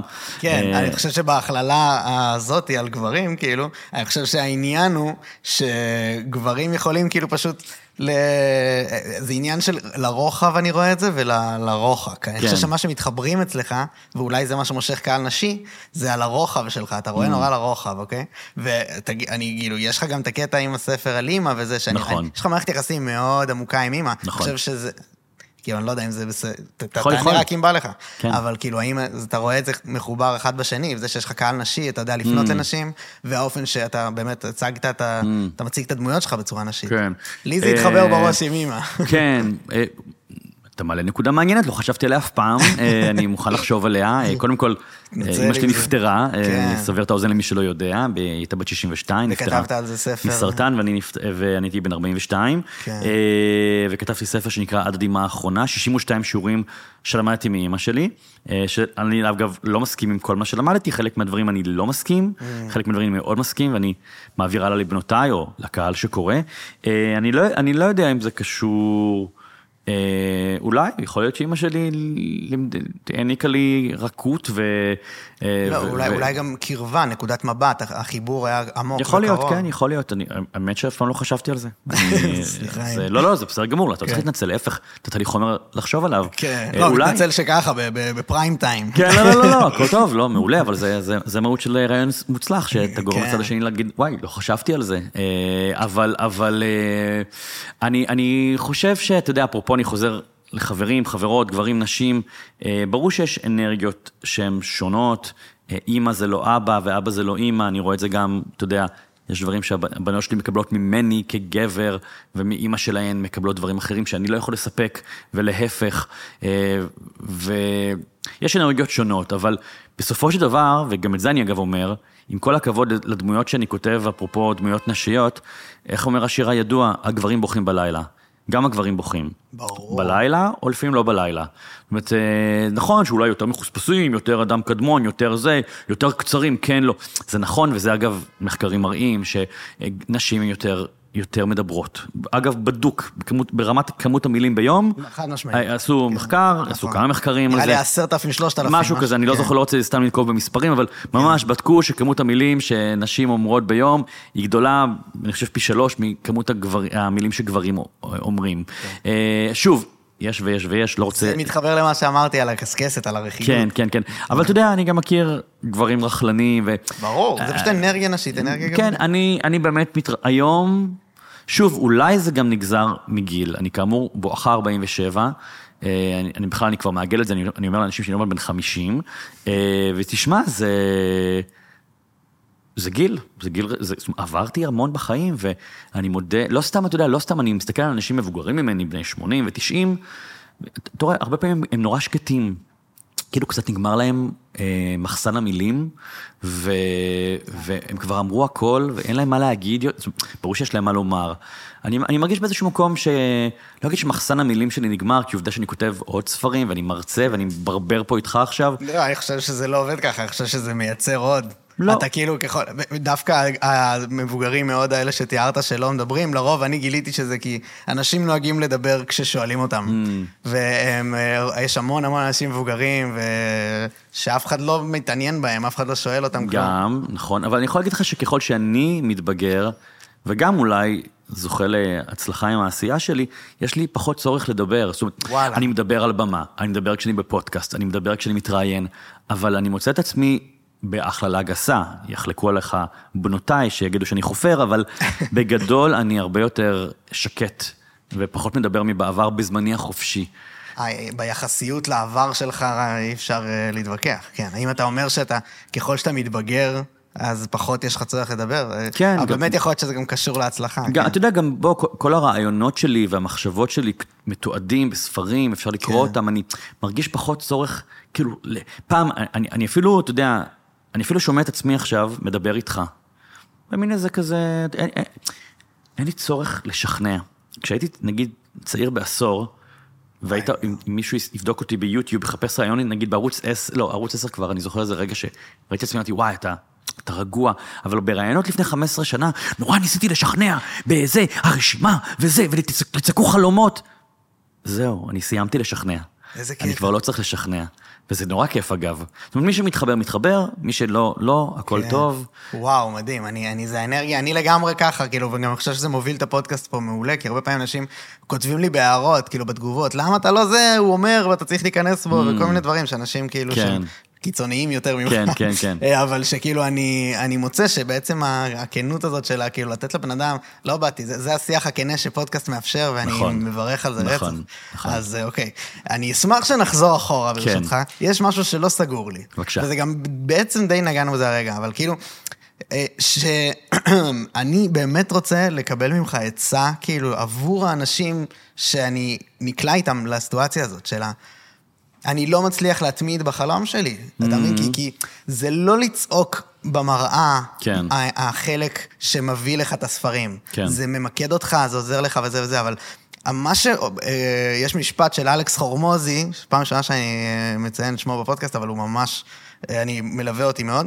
אז יש לו משפט של על כאילו, זה לא המחמאות שאתה נותן לעצמך שמקנה ביטחון עצמי, אלא הראיות שיש לך שאתה מי שאתה אומר שאתה. נכון. אז כאילו יש אנשים עם ביטחון עצמי שהוא בעצם אשליה, והם יכולים לצעוק עד מחרתיים שהם טובים במשהו, הם לא יהיו טובים אם הם לא יעשו את החלק החרא. נכון. אז מה אתה מייעץ לאנשים? באים אליך מלא אנשים, כן. רוצים לכבוש חלומות, כן. ויש חלק קשה ש... אז, אז יש לי תשובה, ולפני זה אני אספר סיפור. אני אוהב לספר סיפורים כמו שהבנת. מעולה לנו. אה, אה, אה, וזה פשוט קצת מתקשר, אפרופו אמרת מחמאות, וזה סיפור ששמעתי מח- מאחינועם ניני. אחינועם ניני, שאני מאוד מאוד אוהב אותה כזמרת, וגם אני מאוד מעריך את הלוחמנות שלה אה, למען עקרונות שהיא מאמינה בהם, גם אם אני לא מתחבר לכל דבר שהיא אומרת או כותבת. אה, היא, היא סיפרה שכשיצא לה האלבום הראשון באנגלית, בשנת 90 ומשהו, נקרא נועה, אגב, אלבום בעיניי מופתי. אה, אז היא הייתה בטור עולמי, והיא הופיעה בספרד, ובאחד העיתונים, בשער, כתבו ביקורות על, על ההופעה שלה ועל התקליט, ו- ו- ותרגמו לה את זה, את כל המחמאות, אז היא התקשרה, אני חושב שמטלפון ציבורי, אה, למפיק שלה, פט מת'יני, שהוא זכה בפרס גרמי, כן. אה, גיטריסט על. כן, כן, כן, והיא אמרה לו, אתה לא מאמין, וזה, וכתבו ככה וככה, וכתבו ככה וככה, וכתבו ככה, והוא אומר לה, אוקיי, אוקיי, אוקיי. אומרת לו, מה, אתה לא מתלהב? אז הוא אמר לה, אם נאמין למילים הטובות שכותבים עלינו, ניאלץ גם להאמין למילים הרעות שכותבים עלינו. אז בוא נבחר שלא... לא להתייחס אליהם. וואו. אז זה, זה, זה משהו שאני מאוד, אה, מאוד מאוד אה, מתחבר לזה, כן. ו- ושזה מזכיר לי משהו שאני בדיוק העליתי היום לטיקטוק, משהו שאני אמרתי בפודקאסט שלי, שריטה סיפרה לי, עוד, עוד דוגמה לזמרת, סיפרה לי פעם שאחרי שהיא חוזרת מהופעה בקיסריה, היא מורידה איפור, מורידה תוספות שיער, מורידה בגדים, עולה על טרנינג, ואו עושה ספונג'ה בשתיים בלילה, או מעמידה סיר של אורז, כאילו להישאר על הקרקע. כן. ואני מאוד אוהב את זה, ו- ואני עכשיו, לשאלתך, ורגע פרקטיקה. אה, אני חושב שמה שגורם לאנשים לא להצליח אה, להתקדם עם חלומות שלהם, זה לא העניין של תשוקה ומוטיבציה וכל המילים האלה, אה, אלא פשוט כי אין להם תוכנית פעולה, זה הכל. אני חושב שזה הרבה יותר פשוט ממה שעושים את זה. ואם אני חוזר אחורה בשיחה לאיך אני כותב ספרים, מתי אני קונה כרטיס טיסה ליוון או לקפריסין? כשאני יודע מה הסיפור. מתי אני ניגש לחלום? מתחיל פיזית לעבוד עליו, כשאני יודע מה הצעדים שלי. זאת אומרת, ישבתי, אמרתי, אוקיי, יש לי חלום להקים פודקאסט, סתם דוגמה. אוקיי, אני לא, אז כרגע זה כותרת, פודקאסט. אז אני אתחיל לחקור בגוגל, יש היום גם את צ'אט GBT כמובן, אתחיל לחקור מה צריך, צריך אה, אה, איזה סוג פודקאסט אני רוצה, מצולם או אודיו, גם וגם. אה, אני רוצה עצמאית, אני רוצה לשלם, אני רוצה... כל השאלות. וכשאני אקבל, כשאני אבנה את התוכנית פעולה, פה זו דוגמה דווקא די, די מהירה פודקאסט, כאילו כמה צעדים ויש לך פודקאסט, נכון? זה לא... אבל אין לך פודקאסט מצליח. אבל, או, אבל בסדר, אבל פודקאסט מצליח, זה לא קורה בן לילה. תשמע, הפודקאסט שלך מצליח, זה קרה בלילה אחד? ממש לא. כמה פרקים הקלטת עד היום? אמ, הקלטנו הרבה, יצאו 26. אוקיי, מתי אתה יכול ככה להגיד שהייתה איזה נקודת מפנה בפודקאסט? שש. שש, מה היה שם? ירון זליכה. הוא ספציפית כאורח? לא, אה, עשינו התנגחות אה, ויראלית. אוקיי. יצא ויראלי. סבבה. אז היה שם איזשהו מהלך מסוים שיצר ויראליות, שיצר כן. באז, שיצר עניין, שהביא אנשים, אולי אקסטרה אנשים, והדבר הזה התחיל לייצר אדוות ועדים. אבל מה, מה ש... זה דוגמה בדיוק, אולי אני קצת כאילו חושב שזו דוגמה הפוכה, אבל יכול להיות שכאילו בואו בוא Mm-hmm. כן, נ, כן. נדייק את הדקויות, כי כאילו, אני קפצתי למים בלי לדעת כלום, אוקיי. לדעתי. אני התחלתי, חשבתי שזה יהיה מוזיקה, זה הפך למשהו אחר לגמרי, ופשוט קפצתי למים כאילו בלי תוכנית יותר מדי טובה, כי אני באמת חושב שלפעמים... תוכנית גורמת כאילו פרליסיס אנליסיס, אתה מבין? אני אנתח, אנתח, אנתח, בסוף אתה לא עושה את הצעד. מסכים, אז שוב, אני, אני חוזר, אני חוזר, חוזר לעבודת הכתיבה שלי. כן. שאני, כשאני, כשאני מלמד בקורס כתיבה, אני, אני אומר, יש כמה דרכים לכתוב. אני לא אלאה אותך עכשיו בכל האופציות, יש כל מיני טכניקות וכל מיני כותבים שכותבים בכל מיני, לאורך ההיסטוריה, בראיונות אתה יכול לחקור ולראות איך כל אחד כותב, אבל אני מאמין, כאמור, בבניית מפה מאוד ברורה, אבל היא גמישה. כלומר, אני, כשם שאני גמיש בהחלטות שלי ובעבודה שלי ובקריירה שלי, ובא לי זה ובא לי זה, גם, וגם בכתיבה, אני, אני כותב מראש, לפני הנסיעה לחו"ל, אה, תקצירים של כל הפרקים, אבל אני יכול פתאום להחליט שרגע, בא לי להוסיף פה איזה סצנה, אה, שני פרקים של סקס שבכלל קורים כן. באמסטרדם. אז גם עם חלומות, אתה מתחיל פודקאסט, ואתה אומר, רגע, רגע, רגע, אני, "מ, אני גיליתי תוך כדי תנועה, לא סתם אמרו אין חכם כבעל ניסיון. כי תוך כדי תנועה אתה אומר, לא, לא בא לי שהפודקאסט הזה ייגע בזה, בא לי דווקא זה. אני גם רואה שהקהל מגיב לזה יותר טוב. אז כן. יש פה את העניין של תוכנית פעולה, אבל גם הקשבה לשטח. ברור, אתה לפידבק מדבר- של הקהל. כן, לגמרי, חד משמעית, כן. ואני מסכים ולחלוטין תקף פה. אה, אבל פה אתה מדבר על ה... האם זה, איך זה יוצא בסוף, לא האם זה קורה נקודה. ואצלך, בדוגמה של הספרים, כאילו קל מאוד להפסיק. אני ניסיתי, דרך אגב, לכתוב פעם ספר, אני לא הצלחתי לסיים. תבוא לקורס כתיבה שלי. אני- כן, גם קראתי את הספר. מבטיח לך שתכתוב ספר. אם הוא טוב או רע זה כבר סיפור אחר. אבל זה כי יש פה עניין של, אתה, אני בטוח שאתה מלמד איזשהו skill של לשבת, אה, לשבת על התחת. נכון?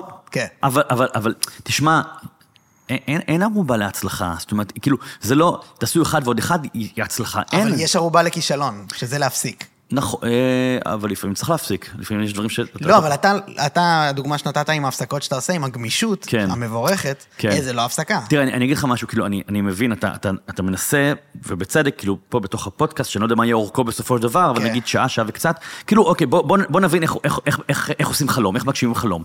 אתה יודע, זה... לא, זה יותר אני רוצה ש- שאנשים, יהיה להם משהו פרקטי, לכאילו מחר בבוקר מה אני עושה, דבר כן. קטן, כאילו. אני לא אומר, אה, כן, שאנחנו, אני לא מתיימר כן, להגיד כן, כן. אה, זה, כן. אבל אני, אני אענה על זה מיד, אבל אני אומר, זה באמת ניסוי וטעייה אינסופיים, ושוב, משהו שלא מתקיים כל כך בעידן של ימינו בהכללה גסה, העידן המהיר והשטחי, שהתחלתי את השיחה משם, אה, אנשים לא עושים תחקיר. אני יכול להגיד לך שלפני שאני פתחתי פודקאסט, ופתחתי מה זה באיחור, אחרי כולם, אה, ואמרתי, זה היה, זה היה ברשימה, הרשימה המקצועית שלי. אבל הייתי עסוק ואמרתי, טוב, גם אין לי מה... צריך שיהיה איזה משהו, זווית, איזה משהו. וחמש שנים הקשבתי לפודקאסטים בארץ, בעולם, חקרתי, חיפשתי, חיפשתי, אמרתי, זה אני אוהב פה, זה אני אוהב פה, זה אני לא אוהב פה. ואז יום אחד בא לי הקונספט, לדבר עם אנשים שהגיעו להישגים יוצאי דופן, מכל התחומים, לא על מה שהם השיגו, כי זה כבר כולם יודעים, אלא מה ברשימה שלהם. זה הפודקאסט שלי. ובום, זה התפוצץ. זה התפוצץ אחרי פעם אחת. אה, כי חקרתי, מימון המון. וואו. אני אתן לך עוד דוגמה. המימון המונים המטורף היה. מימון המון, אני, אני, אני עכשיו עושה, אני נמצא בעיצומו של מימון המון לספר אה, הפריצה. רגע, היה אחד מוצלח או שזה היו- זה? כי כי יש עכשיו... יש עד עכשיו, אתמול הוא הגיע ל-100% יד אחרי, 100% יד, אחרי שזה- 13 ימים. שזה כמה? אה, 90 אלף שקל, אבל הוא לא. נגמר, יש עוד אה. 20 יום, אז אני כן. מאמין שאנחנו נגיע ליותר. היה אחד עם הרבה יותר, לא? היה, ח- סך הכל עשיתי חצי מיליון, רבע מיליון. זה, זוכר, כן, זוכר. בסך הכל גייסתי מיליון וחצי כן. בכמה פרויקטים שונים. גם פה, אמרו לי מזמן, לפני עשור, עם הרשימה, תעשה מימון המון, כי, כי אף הוצאת ספרים אגב לא רצה את הספר, אז לא, לא היה לי אפשרות להוציא אותו. כן. ולא היה לי את האמצעים שיש לי היום כלכלית, אז אמרו לי תעשה מימון המון. וידעתי מה זה, זה היה די בחוטוליו הדבר הזה. אז במשך חצי שנה חקרתי את הנושא. יש- ישבתי על אתרי מימון המון בעולם, קיקסטארט, אדסטארט, טטטם, ראיתי פרויקטים, ראיתי מה הצליח, מה התפוצץ, מה נכשל, חקרתי, בדקתי, מתנות, שורות, זה, אחוזים, יודע, מה לכתוב, מה לכתוב, זה, זה. חצי שנה חקרתי את הדבר הזה, העליתי את זה, את, ה, את הטקסט היה מדויק, הכל היה מדויק, אני מאוד מאמין בדיוק. בום, אחרי, אחרי 48 שעות, 90 אלף שקל. וואו. ואחרי חודשיים, ח- אוקיי. רבע מיליון. הר- הרשה לי לאתגר אותך ברשותך. בבקשה. כמה כאלה היו שלא הצליחו? מלא? אוקיי, אז מה הופך, מה ההבדל? חקרתי. לא, אבל ו- אה, אלה ש... זה מה שאני אומר, כמה היו לך כאלה שחקרת? אה, שאני חק... כן, דברים שאני עשיתי חקרתי ולא ש- הצליחו? כן. לא היה. לא היה. לא היה. לא היה. לא, לא היה. כאילו, אני, אני, אני חוקר את הדברים, כשאני מקים עסקים, אני חוקר, כשאני עושה נדל"ן, אני חוקר, אני חוקר לעומק את התחום. זאת אומרת שזה זה הדרך להימנע מכישלון, אתה אומר? כאילו, אתה... אתה תראה, לא... אין ערובה, אבל, אבל אה, פחות נזקים. פחות נזקים. תראה, אני רואה אנשים שעושים אימון המון, כי פונים אליי המון עם שאלות. בעיקר, בעיקר פונים אליי, עם, כזה בפייסבוק או באינסטגרם עם הצילו. הצילו, כן. פתחתי לפני חודש, נשאר לי עוד שבוע, אם אני לא... אתה יודע, במימון המון, אם אתה לא מגייס את הסכום כולו, אז... לא הוא- בכולם, הוא- אבל כן. אה, כן, אז הוא יורד... ב-Head Start, נכון, אז הוא יורד לטמיון. כן. אה, ואז אני, לפעמים כשאני יכול, אני ככה מציץ בפרויקט, ואני רואה שם טקסט לא מזמין ולא ברור, תשורות מטופשות, כאילו, באמת, לא אטרקטיבי בעליל. וכאילו, אני לא אוהב לבאס אנשים להגיד להם, שמע, כבר אין סיכוי, אבל אני אומר בלב, מאוחר מדי. ואני אומר, למה לא, אני אומר בלב לעצמי, למה הוא לא פנה אליי לפני? למה לא התכוננת כמו שצריך? אתה יודע, אפילו אנשים שאגב כן פונים אליי, שמתייעצים איתי כן. אה, בנושא של מימון המון, ואני, מתריע ומזהיר, ואני אומר, אתה יודע מה, אתה מחפש עוד איזה כאילו כלים להצלחה? לבוא להכל בצניעות. לבוא להכל בצניעות, אתה יודע, לא יודע, אני לא יודע איך מי שיצפה בי עכשיו או יקשיב לי אה, מתרשם ממני, אה, אתה יודע, כי מצד אחד יש לי ביטחון, ואני יודע כן. מה אני עושה, אבל אני, אני באמת בא בצניעות גדולה מאוד, בענווה, נכון. לכל מה שאני עושה. אני לא, אתה יודע, אפילו כשיוצא לי ספר חדש, תמיד יש לי כזה קצת חרדות לפני, שהוא לא יצליח, לא יקנו. אז תמיד הקרובים האלה אומרים, נו, באמת, מה, מה הסיכוי? הרי כל ספר הצליח עד עכשיו, אתה יושב על קהל נורא גדול, כאילו, הוא בטוח, מקסימום, הוא לא יתפוצץ, הוא יכסה את עצמו. אז א', אני רוצה יותר מלכסות את הספר, אני רוצה להצליח עם הספר, אני רוצה להפיץ את המילים שלי, אבל אני תמיד בא, גם ממרום גילי ומעמדי והצלחותיי שהזכרת, תמיד בא בצניעות לכל דבר, ביראת כבוד, בספק. אני חושב שזה, אני חושב שזה דבר מאוד מאוד חשוב, לצד תוכניות, לצד לבוא לדבר ולהגיד, אני לא יודע, אני, אני לא יודע אם זה יצליח, אני מקווה שזה יצליח. אבל אז זה מה שמוביל אותך, אני חושב ששני דברים. אחד, אני חושב שזה מבדיל את מייקל ג'ורדן או אנשים ממש גדולים מאחרים. הם לא חושבים שהם טובים, בגלל זה הם 80 שנה ב- ב- עובדים יום-יום להיות טובים. כן. הם לא קמים בבוקר, יואו, זה טוב אני. הם, אני לא מאמין שאתמול לא הצלחתי לעשות את הדבר כן. הזה. תשמע- אז אה, זה אחד. דבר שני, נשמע לי שבדברים שאתה אומר, תקן אותי שוב אם אני טועה, שאתה לא, אתה אמנם אה, רודף אחרי חלומות, אבל אתה לא לוקח סיכונים גדולים, כי אתה יודע ממש טוב לפני. אתה עושה, אה, הבחירה שבסוף אתה לוקח, היא הכי נטולת סיכון שאולי אפשר לעשות. אני לא יודע אם זה נכון לומר שאני לוקח סיכונים. לא, אה, אני לא מתכוון לזה במובן חס וחלילה של אה, כאילו, ש- שפה יש איזשהו אידיאל שאתה לא עומד בו. כן. אני אומר שכאילו, אתה עושה שיעורי בית ממש טובים, נכון. בשביל שזה לא יהיה סיכון. שזה יהיה, שיהיה, שיהיה כמה שפחות נזקים. כן. שיהיה, נכון, אני לומד מטעויות של אחרים. כן. עכשיו, אנשים מדלגים על זה, אתה יודע, לפעמים אנשים באים אליי אחרי הרצאות, שואלים איזושהי שאלה, ואני אומר להם, אה, בדקת בגוגל? אוי, לא, נכון. עכשיו, אני, אני אומר, מה אנשים מחפשים בגוגל? פורנו? זה רק פורנו? כאילו, יש, יש שם עוד דברים, יש חברים. עוד דברים בגוגל שאפשר לחפש, כאילו, מה, רק שירים ביוטיוב, ומה, כאילו. התשובות נמצאות בגוגל, התשובות נמצאות בצ'אט GBT, התשובות נמצאות ברשת החברתית, התשובות נמצאות מסביבכם בסרטים תיעודיים, בספרים, באנשים שאפשר להגיע אליהם, כולל מפורסמים, אפשר לכתוב איזו הודעה בפייסבוק, רוב האנשים נחמדים ועונים, כן. כאילו, אה, אנשים לא חוקרים, אנשים כן. לא בודקים, ו... אז אני, אני, עכשיו, תבין, אני הייתי תלמיד מאוד גרוע בבית הספר, אין לי בגרות. כנ"ל. אני כנ"ל. ממש, אני, אני הייתי ממש גרוע, והייתי טוב במה שאהבתי, שזה היה משחק וכתיבה, מאז ומתמיד, אבל על לחקור, אה, תמיד הייתי כזה, ותמיד בדקתי, בדקתי, בדקתי, ואז אה, זה לא מבטיח ערובה להצלחה, אבל הנזקים הם, הם יותר מבוקרים. מדהים. כן. נשמע כמו נוסחה מנצחת, אה, למעשה. לא, ולגמרי כן. אני, אני רואה את זה גם ב, ב, בתחום שלנו. כאילו, אנשים עולים לפודקאסטים בלי... אני בשוק לפעמים, כאילו, שמביאים אנשים ממש, ממש או מפורסמים, או כאילו פשוט שכזה, אתה יודע, תעשה מחקר כלשהו, ואנשים עולים בלי לעשות כלום. כן, אני, אני לא מזמן התארחתי באיזשהו פודקאסט, אה, דווקא באיזושהי פלטפורמה מאוד אה, נחשבת כזה, ואני מקבל הרבה הזמנות, ואני גם לרוב די, די זורם, וזה, אתה יודע, עם רוב ההצעות. והגעתי, דווקא בגלל שזה ישב באיזושהי פלטפורמה נורא גדולה תקשורתית, אז אמרתי, טוב, זה סופר מקצועי, ופשוט הייתי בשוק מ... זה גם היה תחת איזה נושא נורא מקורי, כאילו שלא לא, לא, לא, לא דיברתי עליו הרבה, אמרתי, אה, מקורי. ופשוט אפס, אפס הכנה של מי שאירח אותי, שעזוב שזה כאילו מזלזל בצד, לא זה, שנעלב. זה, זה א'. כן, אבל, בעיניי. אבל אני אומר, וואלה, הגעתי אליך, זאת אומרת, אני אורח שלך, ותראה, יכול להיות שבגלל שאני בא מעולם העיתונות, בעיתונות, א', ב', זה, זה תחקיר. כן. אתה יודע, אני, אני למדתי את זה בעיקר בתקופה שעבדתי במעריב, באזור גיל 30.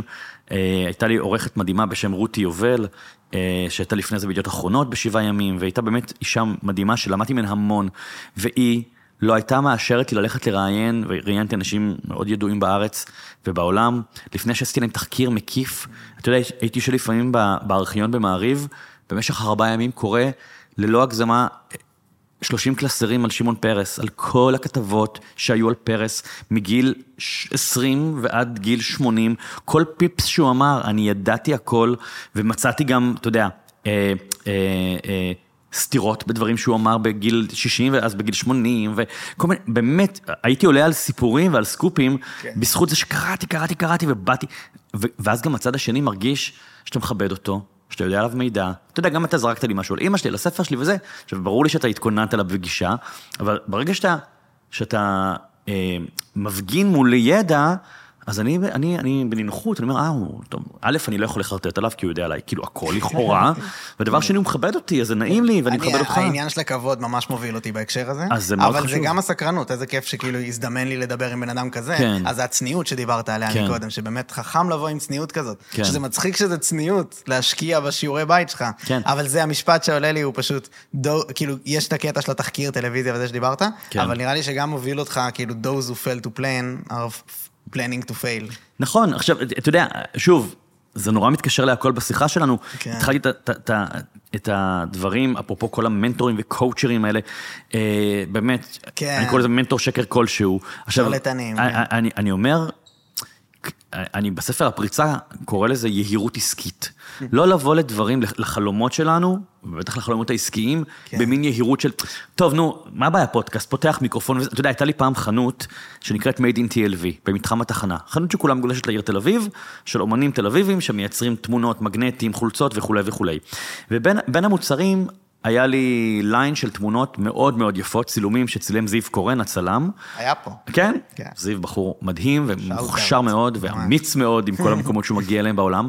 וזיו, אני, אני אקשיב לפרק, וזיו אה, בקיצור, זיו ואני מיודדים, אז ככה הוא נתן לי איזה 20 תמונות שלו, שאתה יודע, כל תמונה עולה עשרות אלפי שקלים, והוא אמר לי, קח, תעשה מהם ליין מוצרים, זאת אומרת, היה ברור שאנחנו כאילו, אה, אה, אה, במרכאות אני קורא לזה, מזנים אותם, כאילו, אה, מגנטים וזה, וכאילו, הוא מאבד מהיוקרה, כי זה... וואי, לא המילה שחשבתי שתגיד. כן. לא, לא. בקטע של, חשבתי שאתה בא להגיד אה, אה, ממסחרים. אה, זו המילה, זה- מבשרים, אה, נכון. אוקיי, אוקיי. לא, לא, זה- כי זה לאו דווקא מוזיל. מה, לא. איזה שיתוף פעולה מטורף. לא, לא, לא, אבל כשאתה לוקח צילום שבגלריה נמכר ב-15,000 שקל, פתאום אתה מוצא אותו על מגנט, על מחברת, על עט, אז זה קצת מוזיל את הבנתי, הבנתי, התמונה אוקיי. שנמכרת בגלריה. אז זה מוזיל, אז, כן. אז זיו, מתוך המיליוני תמונות שלו, נתן לי אה, מכסת תמונות, וחלק מהם היו על קנבסים, והיה צ- אחד הצילומים הבאמת יפים, שגם יש לי אותם בבית, זה צילום שהוא צילם ממסוק של 669 ביום העצמאות ה-60 של מדינת ישראל, מתוך הים. לקו קו תל אביב, אז רואים כזה מלא מלא אנשים בטיילת ומפרשיות לבנות, ו... זה יהיה פה כנראה, הלוואי. עכשיו, תמונה, תמונה. מדהימה, היו נכנסים אנשים לחנות, לא ידעו שאני הבעלים, והיו אומרים, והיו רואים נגיד סתם אלף שקל, שזה לא מחיר גבוה בשביל צילום של זיו קורן, אז היו אומרים כזה, אחי, אלף שקל בשביל, אני לוקח מצלמה עם האייפון באינסטגרם, אלף שקל. עכשיו, לך תסביר להם ש... מאחורי התמונה, מעבר לזה שהוא צילם מיליוני תמונות והיד שלו כל כך מדויקת, זה היה רגע ספציפי מאוד בהיסטוריה. זה היה שנות ה-60, שנת ה-60 של המדינה, במסוק 669, עם נוף ספציפי, עם אנשים ספציפיים, זה לא יחזור על עצמו ואי אפשר לעשות את זה עם אייפון. אה, אז... ו- ואנשים אומרים, אה, הפודקאסט, מה, אה, כמה, וואי, כמה צפיות יש ביוטיוב, אני גם אקח מיקרופון, אשים מצלמה, אעשה פודקאסט. לא מבינים שיש מאחורי, מאחורי הרגע הזה שאתה ואני נמצאים כאן, מלאכת מחשבת. יש כאן כאמור את האחים שלך מאחורה, יש פה תאורה, יש פה מיקרופונים, אתם תערכו חלק מהדברים. שלא נדבר על העבודה שהייתה עד פה. עד- ודאי, כן. ודאי, כאילו, אני נערכתי, באתי, אתה יודע, כן. באנרגיה מסוימת, אתה, כן, לכל- התפנינו לזה, לרגע הזה. אז אני קורא לזה בספר הפריצה, יהירות עסקית. אני פוגש כל כך הרבה אנשים, וזה לאו דווקא קשור לצעירים, גם מבוגרים, דווקא לפעמים אתה רואה את זה במבוגרים יותר. אני כבר יודע. כן. ואני תמיד קם בבוקר ואומר, אני לא יודע. אתה יודע, יש לאופרה ווינפרי ספר מקסים, ישן, שהיא כתבה, שנקרא, אני לא זוכר את השם שלו באנגלית בדיוק, אבל הוא נקרא הדברים שאני לא יודעת. והיא כותבת שם דברים שהיא לא יודעת. וזה כל כך יפה, כי וואי, fucking אופרה ווינפרי, היא יודעת הרבה, אישה מאוד חכמה בעיניי. כן. אבל, אבל אני גם, אני, אני, אני כל הזמן אומר, וואי, אני לא יודע בזה, אני לא... וואי, אני. אני מאוד אוהב לקחת אה, שיעורים פרטיים. אה, מאנשים בדברים ספציפיים, זה יכול להיות, אפרופו המק שלך, קניתי מק, הוא ישב שנתיים בבית כמו איזה פסל, כי לא הצלחתי לתפעל אותו, כי אני רגיל, אתה יודע, מחשב לא מק. כן. אז לקחתי מישהו שלימד אותי. טיק טוק, נכנסתי רק לפני חצי שנה לטיק טוק. גם, בדיליי אגב. צפיתי שנתיים בטיק טוק, צפיתי, צפיתי. ראיתי מה עובד, מה לא עובד, הוקים, שמוקים, זה, פה, שם, זה. לקחתי שני שיעורים פרטיים ממישהו, הבנתי, העליתי, פוף, מתפוצץ, חצי מיליון צפיות פה, יש, רבע מיליון אה, צפיות יש שם. מה שאני... אה, אה, יש עניין של אתה חייב להתחיל עסק או דבר כזה עם חוב כלשהו, זה יכול להיות הלוואה של כסף, או חוב, כאילו, חוב כספי, או חוב ידע. אז אתה כאילו בעצם מקצר את התהליך, אם אתה לוקח בן אדם שעשה את זה, או משהו כזה. נכון. אתה בעצם מק- מקטין את חוב הידע שלך למקצוע. נכון, עכשיו, שוב, אני לא מקצר, אה, אה, אתה יודע, ברמת הריאליטי, כאילו, זה שבועיים וזה. לא, אני, אני, באמת, אני חוקר אנשים כן. שעשו את זה. אתה יודע, כשהייתי בן, בן 30, מרבית חבריי הקרובים היו אנשים בני 60 ו-70. גם היום יש לי חברים מבוגרים ממני, אבל אני כבר בעצמי מבוגר, אז, אז זה, זה כבר פחות מרשים שמישהו בן 47 יוצ- מסתובב עם מישהו בן 67, אנחנו כבר באזור פחות או יותר, אבל כשהייתי בן 30, חבריי היו בני 60 ו-70, אני חלפתי מהאנשים האלה, חלקם היו אנשים מוכרים ומצליחים מאוד, חלפתי מהם המון המון מידע, כן, כאילו... סקרנות זה אחד הדברים הכי חשובים ש... כן, ש... סקרנות, ו- ושוב צניעות, ו- אתה יודע, ואנשים מתבלבלים בין צניעות וענווה, ו- ו- ו- ומתבלבלים בין לפעמים רעש שאתה עושה ברשת החברתית, אני עושה המון רעש. כאילו ברשת, וזה, פה ושם, וגם בהרצאות, ואני המון מדבר בספרים ובהרצאות. אני עשיתי, עשיתי, עשיתי, אני, אני מספר סיפורים שלי. אז מישהו יכול להגיד איזה רב רבן, ואיזה מגלומן, ואיזה אני ואני ואני. אה, אני, אני אומר אני ואני, כי אני מספר את הסיפורים, את הדרך שאני עברתי, אבל אני כן חושב, אם זה צנוע, להעיד על עצמך שאני משתדל להיות אדם צנוע ו-down to earth, ו... אה, היית במשפט הזה, א', איך הוא גורם להרגיש? אמרת שכאילו אנשים, בעצם אה, אתה חושב שכאילו ציפיתי שאתה תגיד, לא אכפת לי, מה חושבים, כאילו. אה, שאולי יש אנשים שיגידו... בגדול לא אכפת לי. זהו, אבל, אה, אמרת אבל- את זה בהתחלה. כן. אבל, אה, אבל, אז זה סבבה, זה היה ביטחון לא, המשפט שלך? מה זה לא, אני לא, לא מזלזל, ברור שאני רוצה שיחבבו אותי, מי לא רוצה שיחבבו אותו? כן. אבל אני... לא, אבל בצניעות שהעלית וזה, אני ממש שם לב להבדלים בין אנשים בטיקטוק ובאינסטגרם ובאלה. כן. אנשים שאומרים לי מה לעשות, כן. לרוב אני כזה זז, ואנשים שמספרים לי מה הם עשו, כן. אז כזה זה מה שאני עשיתי. אתה- כן, ואגב. מי שהתעמק בספרים שלי ו- ובהרצאות, הם תמיד, תמיד שזורים גם בדברים שפחות הצליחו לי. כן. כאילו, אתה יודע, רק עכשיו הייתה לי חוויה אה, של, ש, מאכזבת, כאילו, בחו"ל, עם, עם כמעט עסקה אה, מאוד גדולה עם המנהל של ג'יי קי רולינג, שהיה אמור לנהל את העסקים בעולם, והיינו בדיאלוג, וזה היה באמת עושה פרצוף, אני, אני הייתי בהלם כמה ימים רק מזה שהוא פנה אליי, וואו. וישבנו ממש פה ליד, במלון נורמן בתל אביב, לכוס קפה, הוא הזמין אותי לכוס קפה, אה, מה בדיוק הוא רצה? אותי לנ- בעולם. אה, manager כאילו? כן. ואתה יודע, תוך כדי שיחה הוא אמר לי, אה, אני מצטער, אבל אה, אה, ג'יי קיי, ג'יי- ג'- ג'ואן על הקו, קוראים לה ג'ואן, ג'יי קיי זה ג'ואן. הוא אמר לי, ג'ואן על הקו, אז אני צריך רגע אה, לעזוב אותך. אה, ואני אומר, אוקיי, ג'ואן על הקו, הוא מדבר איתי עכשיו גם.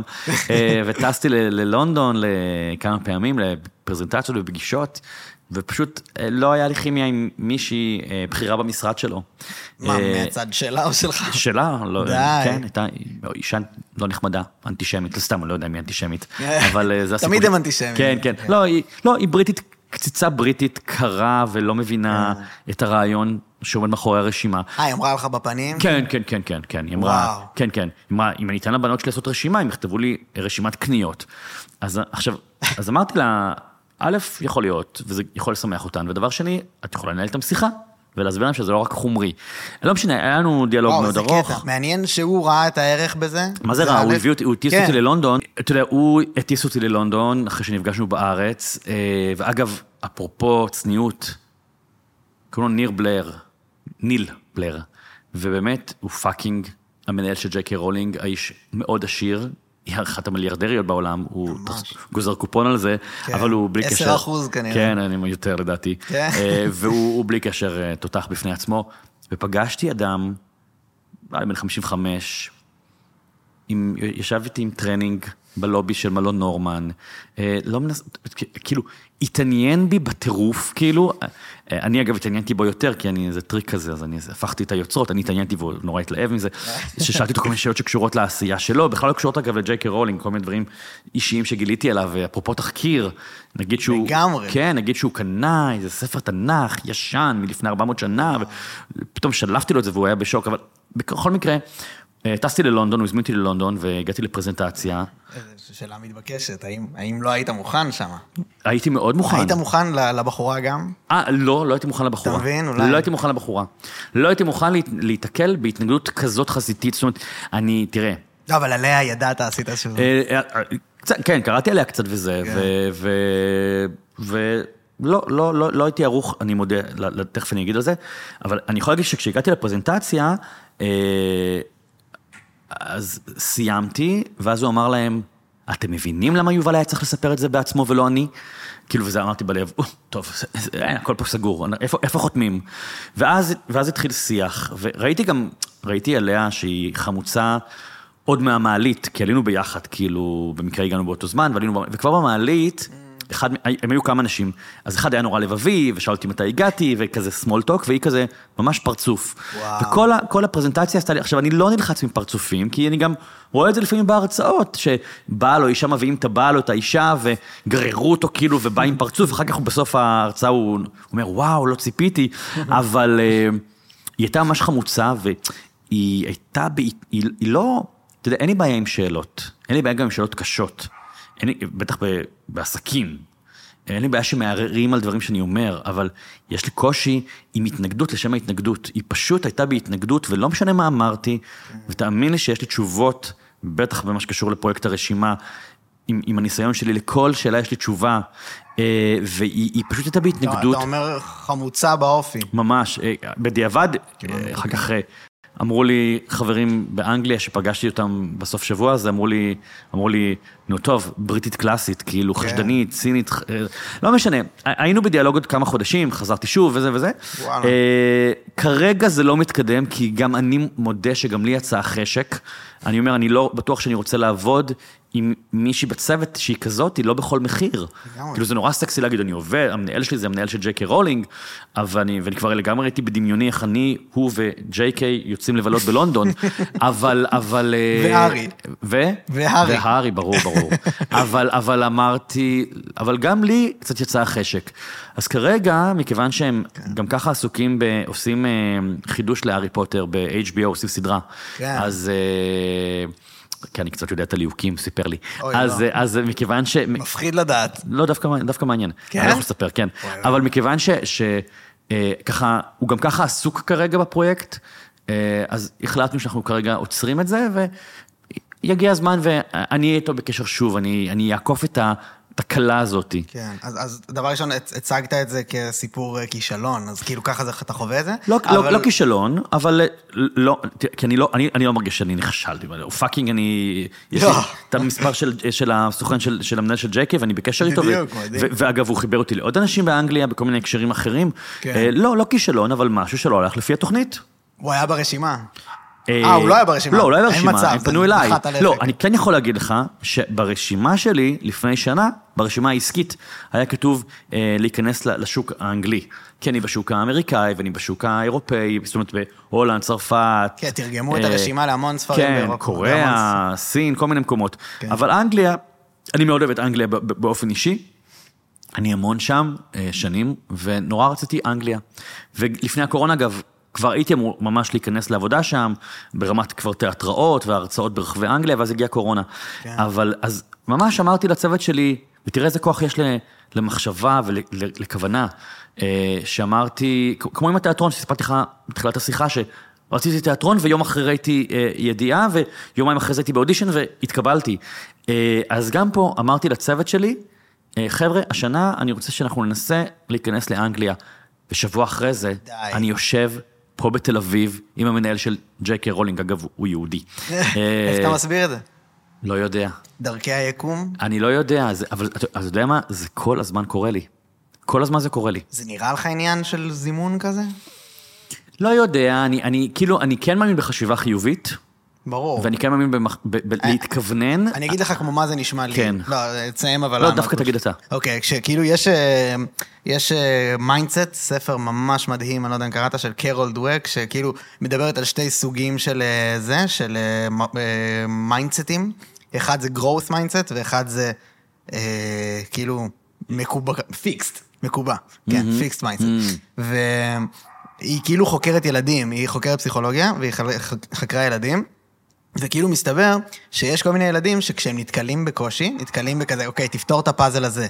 הם חושבים בראש, אה, איזה באסה, עכשיו איך אני אפתור את זה וזה וזה, ויש כאלה שחושבים, וואו, איזה כיף, אני עכשיו צריך לפתור כן. את הבעיה הזאת. אתגר. כאילו, אתגר. כן. אז, ואז היא גילתה שזה ממש מעיד על איך הם גדלים, וזה כן. מי שמקבל ככה את הרגעים האלה. כן. לי זה נשמע שאתה ב growth mindset, והכל נראה, הכל לטובה קצת בהקשר הזה. קודם כל כן. ואני אגב גם לא קראתי את הספר, אני דווקא אקרא כי הוא נורא מתחבר לדבר שאני אומר בהרצאה שלי בשנת המתנות, שרוב האנשים שאני פוגש בחיים שלי, גם ברמה הקרובה מאוד וגם קהל, אה, לא שואלים שאלות.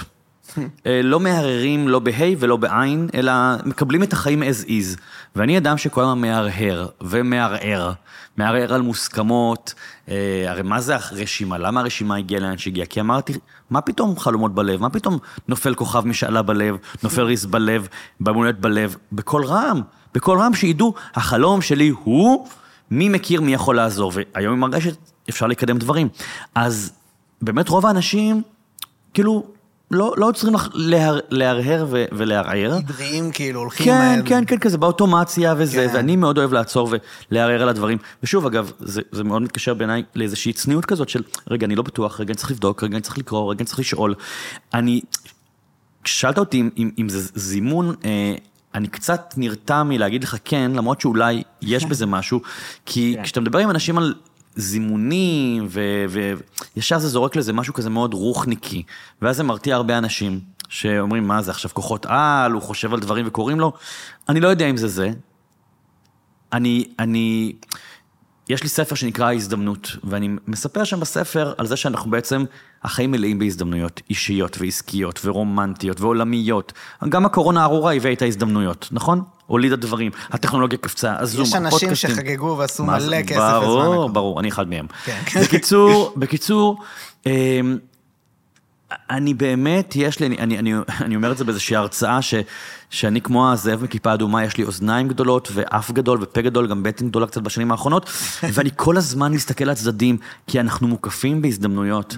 ו, ו, יש משהו בלה, בלהגיד אותם, להוציא אותם מבפנים, ואז אתה יותר פתוח כן, אז אליהם. מספיק שאתה מדבר עם אנשים ואתה אומר, יואו, נורא בא לי לעבוד בלונדון, בא לי בלונדון, בא לי... עכשיו, אתה מתחיל לפזר כן. את זה לאנשים, ואתה אתה- ואתה יודע, אתה לא יודע לאן זה מתגלגל. עכשיו, אגב, איך זה קרה, הלונדון הזה? איך קרה ניל בלר? זה לא שהוא עשה גוגל יובל אברמוביץ'. אני בפודקאסט שלי ראיינתי את לירז צ'רחי, שלירז ואני מכירים 20 שנה אחורה, לירז ואני למדנו ביחד משחק, ואנחנו כזה מיודדים, אנחנו לא בקשר שוטף, אבל אני מאוד אוהב אותה ומעריך את מה שהיא עושה, היא היום מופיעה בעולם עם... הפרויקט המוזיקלי שלה היום מדהים, מדהים. מדהים, מדהים. מדהים. ובקיצור, אה, היא הייתה בפודקאסט, ודיברנו משהו על עבודה בעולם, וסיפרתי לה דברים שאני עושה ודברים שהיא עושה וזה, ואז היא מתקשרת אליי למחרת, ואומרת, תגיד, יש לך מישהו באנגליה? אמרתי לה, לא, זה קטע שאת שואלת אותי, כי אני בדיוק אה, התחלתי לדבר על זה. ויכול להיות ש- יכול להיות שאגב, ב- אני אפילו לא זוכר, אבל אולי בפודקאסט אפילו זרקתי לה משהו על אנגליה, או, או בקפה לפני או אחרי. אז אמרתי, תקשיב, מגיע מישהו לארץ שאני חושבת שאתם יכולים להתחבר. אני אומר לה, מי, מי? אני לא יכולה לספר כרגע. היא אומרת, מי? לא יכולה. תשלח לי קורות חיים, תשלח לי זה. נתנה לי משימה לשלוח כל מיני דברים באנגלית, ישר תרגמתי, ישר שלחתי, ישר הפצתי, זה, בלילה, בשתיים בלילה, ואז למחרת היא אומרת לי, קח את המספר, תתקשר, הוא מחכה לך. אז זה זימון, זה יותר כוונה. אני... לא, ברגע שהתחלת להגיד את זה באיזה אנשים נרתמים לעזור, כן, זה, זה פשוט ככה. זה הרשימה, לדבר וואי, על הדברים. אבל עולה לי כאילו כן. שכזה מלא, בעיקר בחורות, אה, אני שומע מלא, שאומרות, אני רוצה זוגיות. זה ממש אומרות את זה מלא. מהמם. וזה עושה הפוך. אה, כי, כי, כי יש מצב ש... תראה, גם כל- בנים, לא- לא, לא הכללה. תראו, כל מצב, כל, כל מקרה לגופו, יש מצב שחלק מהבנות או הבנים שרוצים זוגיות, הם to, to push it. כן. ב- ב- בסטר- אתה יודע, בדיוק השבוע הייתה לי שיחה עם שחקן מאוד מוכר, אה, שסיפר לי שהוא חווה בשנים האחרונות אה, אודישנים לא מוצלחים. והוא מישהו מוכר, מאוד מוכשר, והוא כאילו באמת קצת נעלם, והוא אמר לי שהוא הולך לאודישנים והוא... הוא, בגלל שהוא הרבה זמן לא שיחק במשהו משמעותי, הוא, הוא נורא בסטרס, והוא אמר, אני, אני מגיע לאודישנים ואני אני, אני בסטרס, אני יודע, ואני יודע שזה עובר במצלמה, מצלמה זה דבר נורא עדין, זה קולט ניואנסים.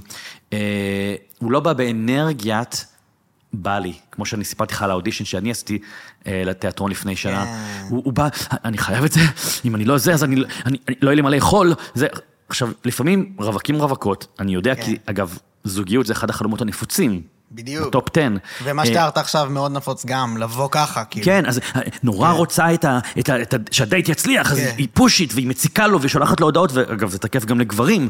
אה, יש לי חברה שיש לה משפט נורא יפה, היא, היא, היא אומרת, הודף רודף, רודף הודף. כלומר, כשאתה רודף אחרי מישהו, הצד השני הודף אותך, וכשאתה הודף, הצד השני רודף אחריך. זה חוק חיים וזה נכון בעסקים, אני רואה את זה כל הזמן. כשאני רוצה משהו, ואני, הנה, אפרופו אה, המנהל של. JK, אז כן. בפגישה השלישית, ככה, קצת שלחתי להם מיילים וקצת הצקתי וניסיתי להסביר להם דברים שהם לא הבינו בפגישה, ולתקן איזה משהו שאולי לא הייתי ברור, ו...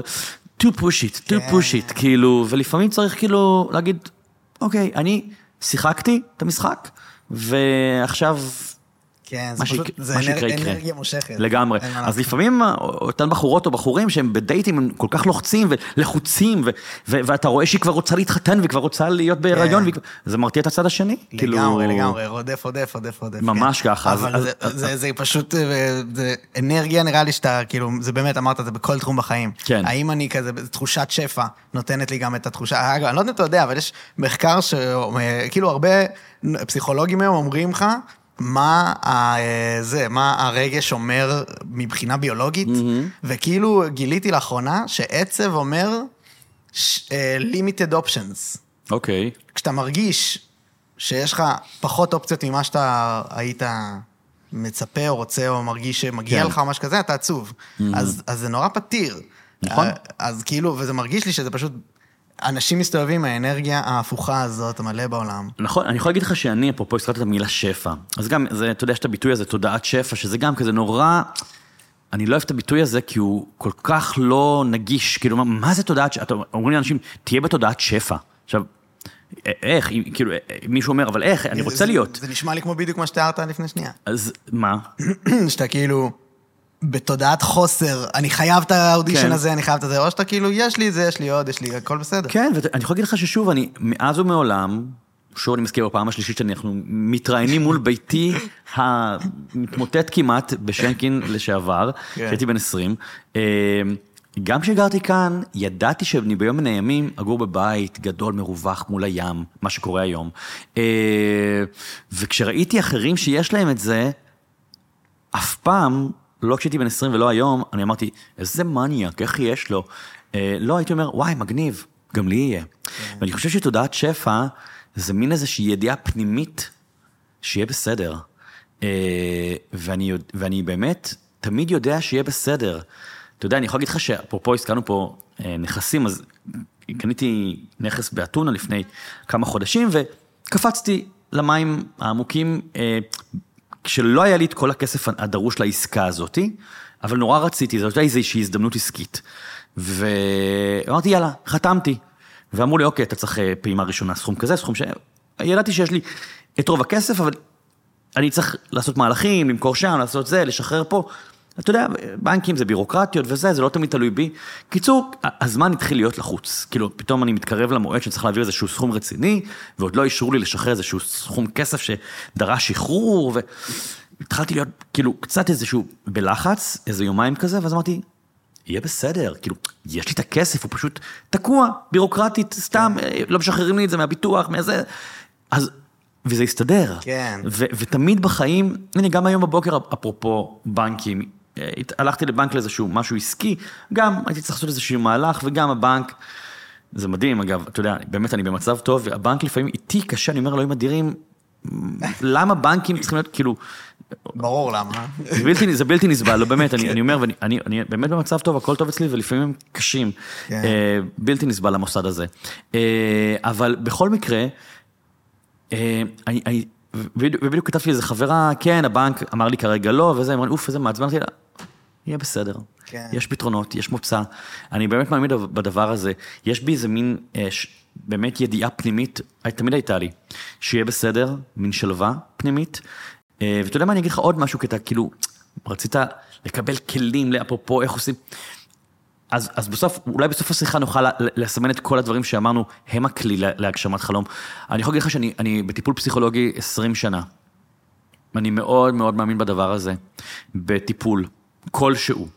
פסיכולוג, פסיכיאטר, אה, לא יודע, אה, NLP, לא, יודע, כל מיני שיטות, כל אחד שימצא את השיטה שלו.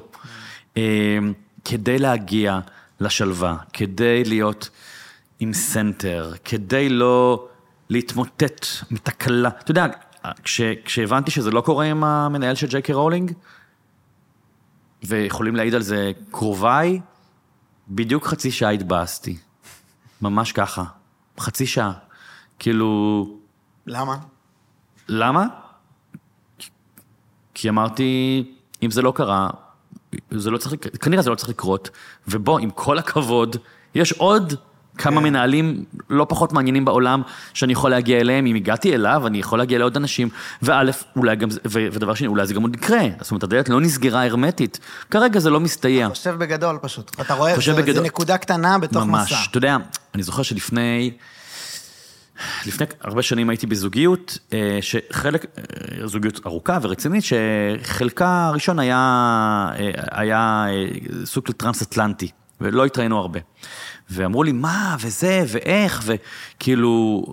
ואמרתי, אם נועדנו להיות ביחד, מה זה על ציר הזמן של החיים? זה, זה פסיק. זה, זה היה שלוש שנים, כאילו, אבל מה, אם נועדנו להזדקן ביחד ועד עד בית האבות, אז מה זה שלוש-ארבע שנים מורכבות?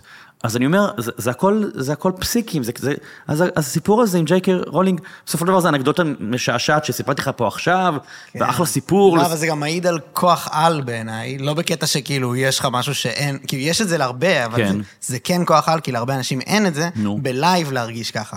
ב live כשה- כשה zoom על הכי הרבה, המצלמה רועדת. כן. אז כאילו, לראות את התמונה המלאה, תוך כדי שקורה לך כזה משהו כן. חרא, זה נראה לי מטורף, כאילו, זה הכי קשה בעולם. אבל, אבל, אבל זה הודות אפרופו לטיפול פסיכולוגי, ו- כן. ו- ו- וקריאת ספרים, ושמיעת הרצאות, ו- והתפתחות אישית, שאני מאוד מאוד מאמין, אני לא סתם מרצה בעולם הזה, אני מאוד מאמין שהדברים האלה יכולים לעזור. אני, אפרופו, הזכרנו פה את אבא עשיר אבא אני, אה, כשקראתי את הספר אבא עשיר אבא אני, ממש בגיל 20 וקצת, אז הוא אומר שם, די בהתחלה, אל תתביישו לקרוא ספרים מהסוג הזה. כי אתה יודע, היה המון המון שנים, באז- באזור שנות ה-80, המון זלזול בז'אנר של הספרים, כאילו, how to be a millionaire, how to be זה. self-help. כאילו, כן, לעגו, היום, היום זה הז'אנר הכי רווחי בעולם, אה, וגם בישראל. ו... ו... ו- ו- וזה נכון, כאילו, אל תתביישו ללמוד, לשאול, לבקש עזרה, להיות מטופלים, כאילו... אה, הטיפול, אתה רואה את הערך שלו באוורור של יש לי דברים ואני מפנה אותם, או של לקבל את הפידבק. ל- פחות באוורור, כי אני, כי אני, יש לי בבית את, הפלטפורמה ואת החברים נכון, שלי כן. לדבר ולפרוק, ואני יודע, ואני אני יודע להביע את עצמי רגשית ולהגיד, היה לי ככה, היה לי ככה, אבל מה שיש בטיפול הפסיכולוגי שלי, אצל פסיכולוגית שאני כאמור אצלה 20 שנה, ונורא מבינה אותי, ואני נורא מבין אותה, שלפעמים אני יכול לספר לה איזה ברבור חצי שעה, ואז, היא אומרת- ואז היא נותנת לזה כותרת. אומרת, אה, אז בעצם מה שאתה אומר זה טה-טה-טה-טם. אני אומר, אה, מעניין, לא חשבתי על זה. לשיים. כן, אתה יודע, זה, זה כמו שסתם שאלת אותי מקודם, אמרת לי, הספר על אימא שלך, יהיה לכם קשר, אולי בגלל זה אתה מבין יותר נשים? וואלה, לא חשבתי על זה. אני אדבר על זה היום בבית עם עצמי ועם הקרובים אליי, אמרתי, ואגב, כנראה אתה צודק. יכול להיות שבגלל שהייתה לי קרבה מאוד גדולה לאימא שלי, בן יחיד, אם חד-הורית, באמת ראיתי מקרוב אישה, ואישה מאוד רגישה, אז יכול להיות שזה נתן לי איזושהי הבנה לגבי נשים, ואיך לדבר עם נשים, אני לא יודע. יכול להיות, כן. אז, אז הטיפול הפסיכולוגי זה לא הלפרוק, אלא זה לקבל לפעמים כותרות, ו, ואתה צריך כמובן למצוא את המטפל הטוב. שהוא לא רק עושה... אני אחרי כמה חוויות ממש שליליות, אז אני... כן, אני כן. לא אדבר בשם זה, כי גם היה לי חוויה חיובית, אבל נתקלתי בכמה כן. שזה זה טראומטי, כאילו... אז, אתה יודע, גם פה, ואני מדבר על זה גם מעט בספרים שלי ובהרצאות, אה, אנשים אה, לוקחים טראומה והופכים את זה לסיפור חייהם. ממש. עכשיו, אני חלילה לא מזלזל בטראומות של איש, אה, אובדן של ילד, אובדן של בעל, אובדן של הורה, רצח, פשע, פיגוע, כספים, באמת, לא חסר דברים נוראים בעולם. אה, הפסדים כלכליים, וגם אני חוויתי הרבה מהדברים האלה. בגדו בי פעמיים, גנבו לי כספים. אה, אימא שלי נפטרה כאמור כשהייתי בן 42, שזה כאילו גיל צעיר לאבד הורה. אה, הרבה דברים... לא, בטח שהורה חד-הורי. נכון. הרבה דברים קרו. אני נותן לזה את הזמן, את המקום, אני בוכה על זה כשצריך, אני כועס כשצריך, אבל אני לא נותן לזה לצבוע לי את החיים וללכת עם הטראומה, ועכשיו אני אאבד אמון בכל האנושות כי גנבו לי 100 אלף שקל בעסק וזה קרה, או בגדו בי בזוגיות וגם זה קרה, אז אני עכשיו לא אהיה בזוגיות ואני לא אעשה עסקים. אה, זה ככה אתה נכווה פעמיים. כן, תראה. גם אה, בזה וגם כן, שאתה לא עושה את זה. אתה יודע, צריך ללמוד מהטעויות. אגב, לקח לי כמה פעמים, אני, אחרי שגנבו לי פעם אחת 100 אלף שקל, גנבו לי אחר כך עוד 100 אלף שקל ועוד איזה... לקח, היום זה כבר לא יקרה כנראה, כי אני כבר עם מנגנוני זהירות, ומקיף את עצמי באנשים שבודקים וחוזים וזה, זה גם חלק מלגדול. אבל אני לא מקדש את הטראומה, ואני מרגיש שלפעמים אנשים אה, נורא נהנים להגיד, כן, כן. מה קרה לי לפני 15 שנה? עכשיו, בוא, זה קרה לפני 15 שנה, היית צעיר, היית קצת חסר ידע, היית קצת אולי טיפש, זה בסדר, אתה היום בן 40, אתה לא יכול להגיד קרה לי לפני 15 שנה, בוא נתקדם, בוא נטפל בעצמנו. אתה יודע, אמר פרס משפט נורא יפה, היו לו הרבה משפטים יפים, הוא אמר, העבר עבר, ההווה הרגע עבר, נותר רק העתיד. ואני נורא מתחבר לזה. אני לא אדם נוסטלגי, אני לא, דבר איתי עכשיו על השיר שלנו, כן, אני אגיד לך, היה נחמד. כן. אם אני רוצה לחזור לשם? לא, וזה היה מדהים. לא. האם אני רוצה לחזור לגיל 20? לדירה בשנקין? לא. האם אני לא רוצה לחזור לשום דבר? אני בהווה ואני בעתיד, ו- ואני מאוד מתחבר לזה. ואנשים, כל הזמן חיים, הרבה אנשים חיים בעבר. גם ברמת הטראומות וגם, יואו, מה היה לי פעם, מה היה לי פעם, ולא נהנים מההווה ומהעתיד לבוא מחר. וואו, לגמרי. אה, אני כאילו, עולה לי אלף ואחד דברים נוספים, אבל נראה לי שאנחנו כזה בשלב מעולה לסיום. אה, למרות שגם כן רציתי לשאול, כאילו שבוודאות נסגור את זה לפני שהולכים, רק שכאילו, את ה... העתיד הקרוב שלך, או משהו שאתה כאילו כן רוצה, אם זה הפודקאסט או הספר שאתה מוציא וזה, שאתה כאילו רוצה לך... אה, קודם כל, אה, מי שלא מכיר את פועלי מוזמן להיכנס לאתר שלי אה, ולגלות את כל הדברים. יש את הפודקאסט שאני מאוד מאוד נהנה ממנו, המעבדה להגשמת חלומות. יש לי גם תוכנית ליווי שנקראת המעבדה להגשמת חלומות, יש תוכנית אינטרנטית, שבעצם בה בונים תוכנית פעולה. לחלומות, זו תוכנית של 100 ימים, אני חושב שהיא מאוד מקיפה, מאוד מסייעת לאנשים, ואתה יודע, אני ספרים, הרצאות, מי שבאמת כן. רוצה, שייכנס לאתר ויחקור כן. ויגלה. נכון, לא, לגמרי, לגמרי, וזה, כאילו, כי רציתי לקבל איזה פריוויו לספר או משהו אה, כזה. הפריצה, זה הספר הבא, לא, אתה יודע, אני, לא, לא דחוף לי, לא כאילו... לא דחוף לך, אז מעולה, אז בסדר. לקדם, אני מאמין שמי ש... שאנשים צריכים לגלות אותך. נכון. אתה יודע, אני יכול להגיד לך שפעם, אה, אה, יש לי סמינר שנקרא משפיעים, שאני מלמד איך בונים קהילה ברשת, פייסבוק, אינסטגרם, איך כותבים, איך מניעים אנשים לפעולה. והגיעה מישהי לסמינר, ואמרה לי בהפסקה, אני, אם היא יכולה להעיר לי הערה, היא אשת שיווק. אמרתי לה, בטח. ואז היא אמרה לי, למה אתה בהרצאות שלך, נגיד הרשימה, לא משווק על הבמה את, הארצ... את הסמינר הזה, שזה כאילו זה מאוד... מבוא ל... ככה כן, עושים, אבל, כן. אז זהו, אני לא. כן. מאוד מקובל בהרצאות, ממש. שדוחפים את כל המוצרים, כן. ואם עכשיו תקנו שניים במחיר חל, כן, כן. שוק הכרמל. אני לא מתחבר לזה, לא אוהב את הסגנון הזה. מאוד אמריקאי, ואני לא אוהב את זה. כן. אגב, זה עובד לאנשים מסוימים ושיהיה להם בכיף. ואמרתי לה, אוקיי, אה, אבל בת. אמרתי לי, כן, אבל לקח לי חצי שנה להגיע. אמרתי לה, למה לקח לך חצי שנה? היא אמרה, כי בהתחלה התאריך לא התאים לי. ואז חודש שני לא היה לי את הכסף. וחודש שלישי קניתי וביטלתי כי קרה משהו. והגעתי עכשיו. אמרתי לה, והגעת. זהו. אז לכן כשאתה אומר לי, בוא תספר, בוא זה וזה, מי ששמע אותי עכשיו, שעה או כמה שדיברנו, והתחבר והסתקרן, תאמין לי שהוא יגלה והוא יקנה. ומי שלא, לא. והוא לא צריך להגיע אליי. זאת אומרת, כשמגיעים להרצאות שלי ולסדנאות שלי, חלקן נורא אינטימיות, 20 איש, חלקן המוניות ל-2,000 איש, אני אומר שוב, בצניעות, יש אנרגיה מאוד טובה בקהל, ובטח בסדנאות הקטנות יותר. למה? כי מי שהגיע, יודע מי אני. זאת אומרת, כאילו, שמע אותי, קרא אותי, שמע עליי, עקב אחריי ברשת, הוא לא מופתע. וואי, מעניין. לואי סי קיי שמעתי בדיוק שהוא אומר, שזה משהו שמשתנה כשאתה נהיה ממש big מיינסטרים, כאילו, כי אתה בונה את הקהל ומגיעים רק האנשים שכזה, mm. יואו, אתה חייב לשמוע, כן. ה-core audience שלך, כן. באיזשהו שלב זה נהיה מיינסטרים ממש מוגזם, כן. ואז מגיעים מלא אנשים שסתם רוצים להיות חלק מדבר שמדברים עליו. נכון. אבל לא, אז כאילו, זה, זה עדיין, ה-core אי אפשר בלי ה core לא, audience. אז, אז מה שיפה זה שה core הזה גדל, זאת אומרת, אני כן. מעדיף שהוא יגדל אה, אה, גידול טבעי. כן, וככה זה קורה, שומעים ולא, אותך בזה? כן, נגיד, אין, אין לי פרסום ממומן, כן. אין לי פרסום ממומן, אין לי, אתה יודע, לפעמים אני אגב מקדם איזה משהו נורא נקודתית, אבל אין לי כזה, אני לא זורק תקציבי ענק על מודעות, כדי באמת להביא את, הקצ... את הלידים הקרים של אין להם כן, מושג מי כן. אני, והם ראו איזה סיסמה והם באו, לא.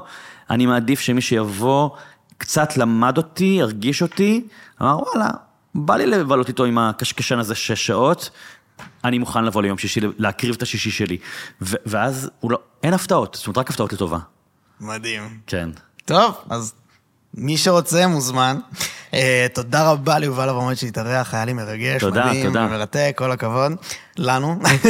ותודה לכל מי שהקשיב או צפה והאזין, uh, נתראה בפעמים הבאות. ביי. יס.